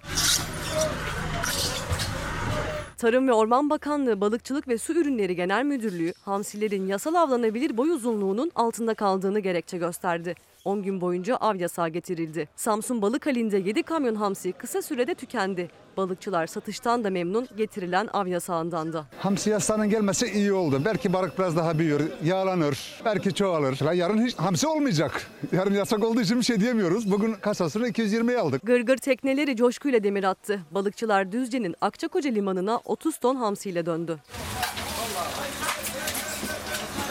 Trabzon'da ise balıkçıların da yüzü güldü vatandaşında. Kilosu 15 liraya satılan hamsi tezgahları canlandırdı. Satışlarımız şu anda memnunuz. İyi şükürler olsun. Hani biraz daha e, fazla havaların soğumasıyla işimiz daha iyi olacağına inanıyorum. Hamsi şu anda hamsi rağbet gören. Yanında işte sırasıyla mezgit var, istavrit var, barbon, sargan. Değişiyor yani. Trabzonlu balıkçılar şu an mutlu olsalar da hamsinin sabit bir bollukta olmadığına dikkat çekti. Vatandaşlar fırsatları değerlendirsin dediler. Bu hamsi her an kaybolabilir çünkü. Yani göstergeler artık yavaş yavaş çekilmeye başladı. Yani 10 gün olur, 15 gün olur, 20 gün olur. Tabii ben böyle diyorken yarın daha da bol olabilir. Ee, ama yarın tamamıyla da yok olabilir. Dünyaya da bakmak istiyorum. Korona ile mücadelede neler yaşanıyor? Ayrıca Amerika'da yaşanan olaylar Amerika'da en karanlık gün diye tanımlanıyor. Trump'ın kışkırtmaları sonrasında Amerika'da neler yaşanıyor? The Guardian'ın manşetinde. Oradan El Mundo gazetesine geçiyorum. El Mundo'da demokratlar Trump'ı azletmek yani görevden almak için bastırıyorlar efendim. Altta da bakın fotoğrafın altına bir bakın. Facebook ve Instagram'da, Twitter'da dahil olmak üzere sosyal medyada Trump'ın hesapları askıya alınıyor. Le Monde gazetesine geçelim. Bir sonraki gazete. Fransa'dayız ve Trump'ın provokasyonu diye bir tabir görüyorum. Trump Washington'da kaosa neden oldu. Joe Biden senatoda çoğunluk tarafından onaylandı efendim. La Stampa gazetesine geçiyorum. Buongiorno diyoruz İtalya'ya. Aynı olay İtalyan gazetelerinde de manşette. Trump Amerika'yı yok etti diyor İtalyanlar. Dünyada korona ile mücadele kapsamında yaşanan olaylar. İlk kez İngiltere'de görülen mutasyon sonrası koronavirüs belirtilerine yenileri eklendi. Artık düzensiz ve yüksek kalp atışı da belirtiler arasında. Brezilya'da vaka ve can kayıpları arttı. Mezarlıklarda yer kalmadı, yakınları ölenlerin isyanları da havada kaldı. Çünkü devlet lideri Bolsonaro tedbir almayı bir kez daha reddetti. Fransa'da uygulanan akşam 8 sabah 6 arası sokağa çıkma kısıtlaması 20 Ocağı uzatıldı. Dünya genelinde virüsle temas 90 milyona doğru ilerlerken yeni mutasyonla ülkelerde vaka ve kayıplarda ciddi artışlar yaşanıyor. İngiltere'de 3 gündür 60 bin üstü seyreden yeni vaka rakamları 50 bin seviyelerine geriledi. Ancak kayıplar hala binin üstünde. Hastaneler ağır hasta sayısının yüksekliğiyle baş edemiyor. Ülkede çok sıkı karantina tedbirleri uygulanıyor. Yeni mutasyonla koronavirüste yeni semptomlar da ortaya çıktı. Son olarak burunda kurulukla birlikte bir de düzensiz ve hızlı kalp atışı semptomlar arasına eklendi. İngiltere'de yapılan araştırmada 4 milyondan fazla kişinin mobil uygulaması verileri incelendi. Hastaların kalp atışlarının düzensiz ve hızlı olduğu anlaşıldı. Brezilya'da can kayıpları o kadar arttı ki mezarlıklarda yer kalmadı. Sevdiklerine, gelenekleriyle veda edemeyen acılı aileler isyan etti. Ancak devlet lideri Bolsonaro onların seslerini duymadı. Virüse karşı tek aşı virüsün kendisidir diyerek akıl tutulması açıklamalar yaptı. Kısıtlamaya gidilmeyeceğini açıkladı. Brezilya'da 24 saatte 1500 kişi daha virüs sebebiyle yaşamını yitirdi. Akşam 20, sabah 6 arası sokağa çıkma kısıtlaması uygulanan Fransa'da kısıtlama 10 Ocak'ta sona erecekti. Ancak vakalarda beklenen düşüş yaşanmadı. Fransa'da günlük vakalar hala 20 binin üzerinde. Dünden yansıyan günün fotoğrafı bence önemliydi. Fenerbahçe son zamanlarda forma girdi ve Fenerbahçe Kulüp Başkanı Ali Koç dün Cumhurbaşkanı AK Parti lideri Recep Tayyip Erdoğan'la görüştü. Günün çarpıcı fotoğraflarından birisi buydu efendim. Ahmet Kanlıcı çok sevdiğim bir dünya çapında gitar virtüözü. Kendisine buradan sevgilerimi, saygılarımı, selamlarımı, geçmiş olsun dileklerimi sunmak isterim. Önce senin adın, bakın Engin Bal Aşk Şiirleri, Aşkın Şiirleri isimli kitabı bizimle birlikte. Ömürlük Şiirler, Ömürlü Aksoy ve Ahmet Kanlıcı'ya giderken Hil- Hilmi Yavuz demek istiyorum. Arjant Felsefe grubu günlerinde yad ediyorum. Yeni hüzünler bulmalıyım. Yeni acılar, tertemiz. Olmuyor. Kalbimi yaban otları bürümüş. Hiç bitmiyor. Bilseniz.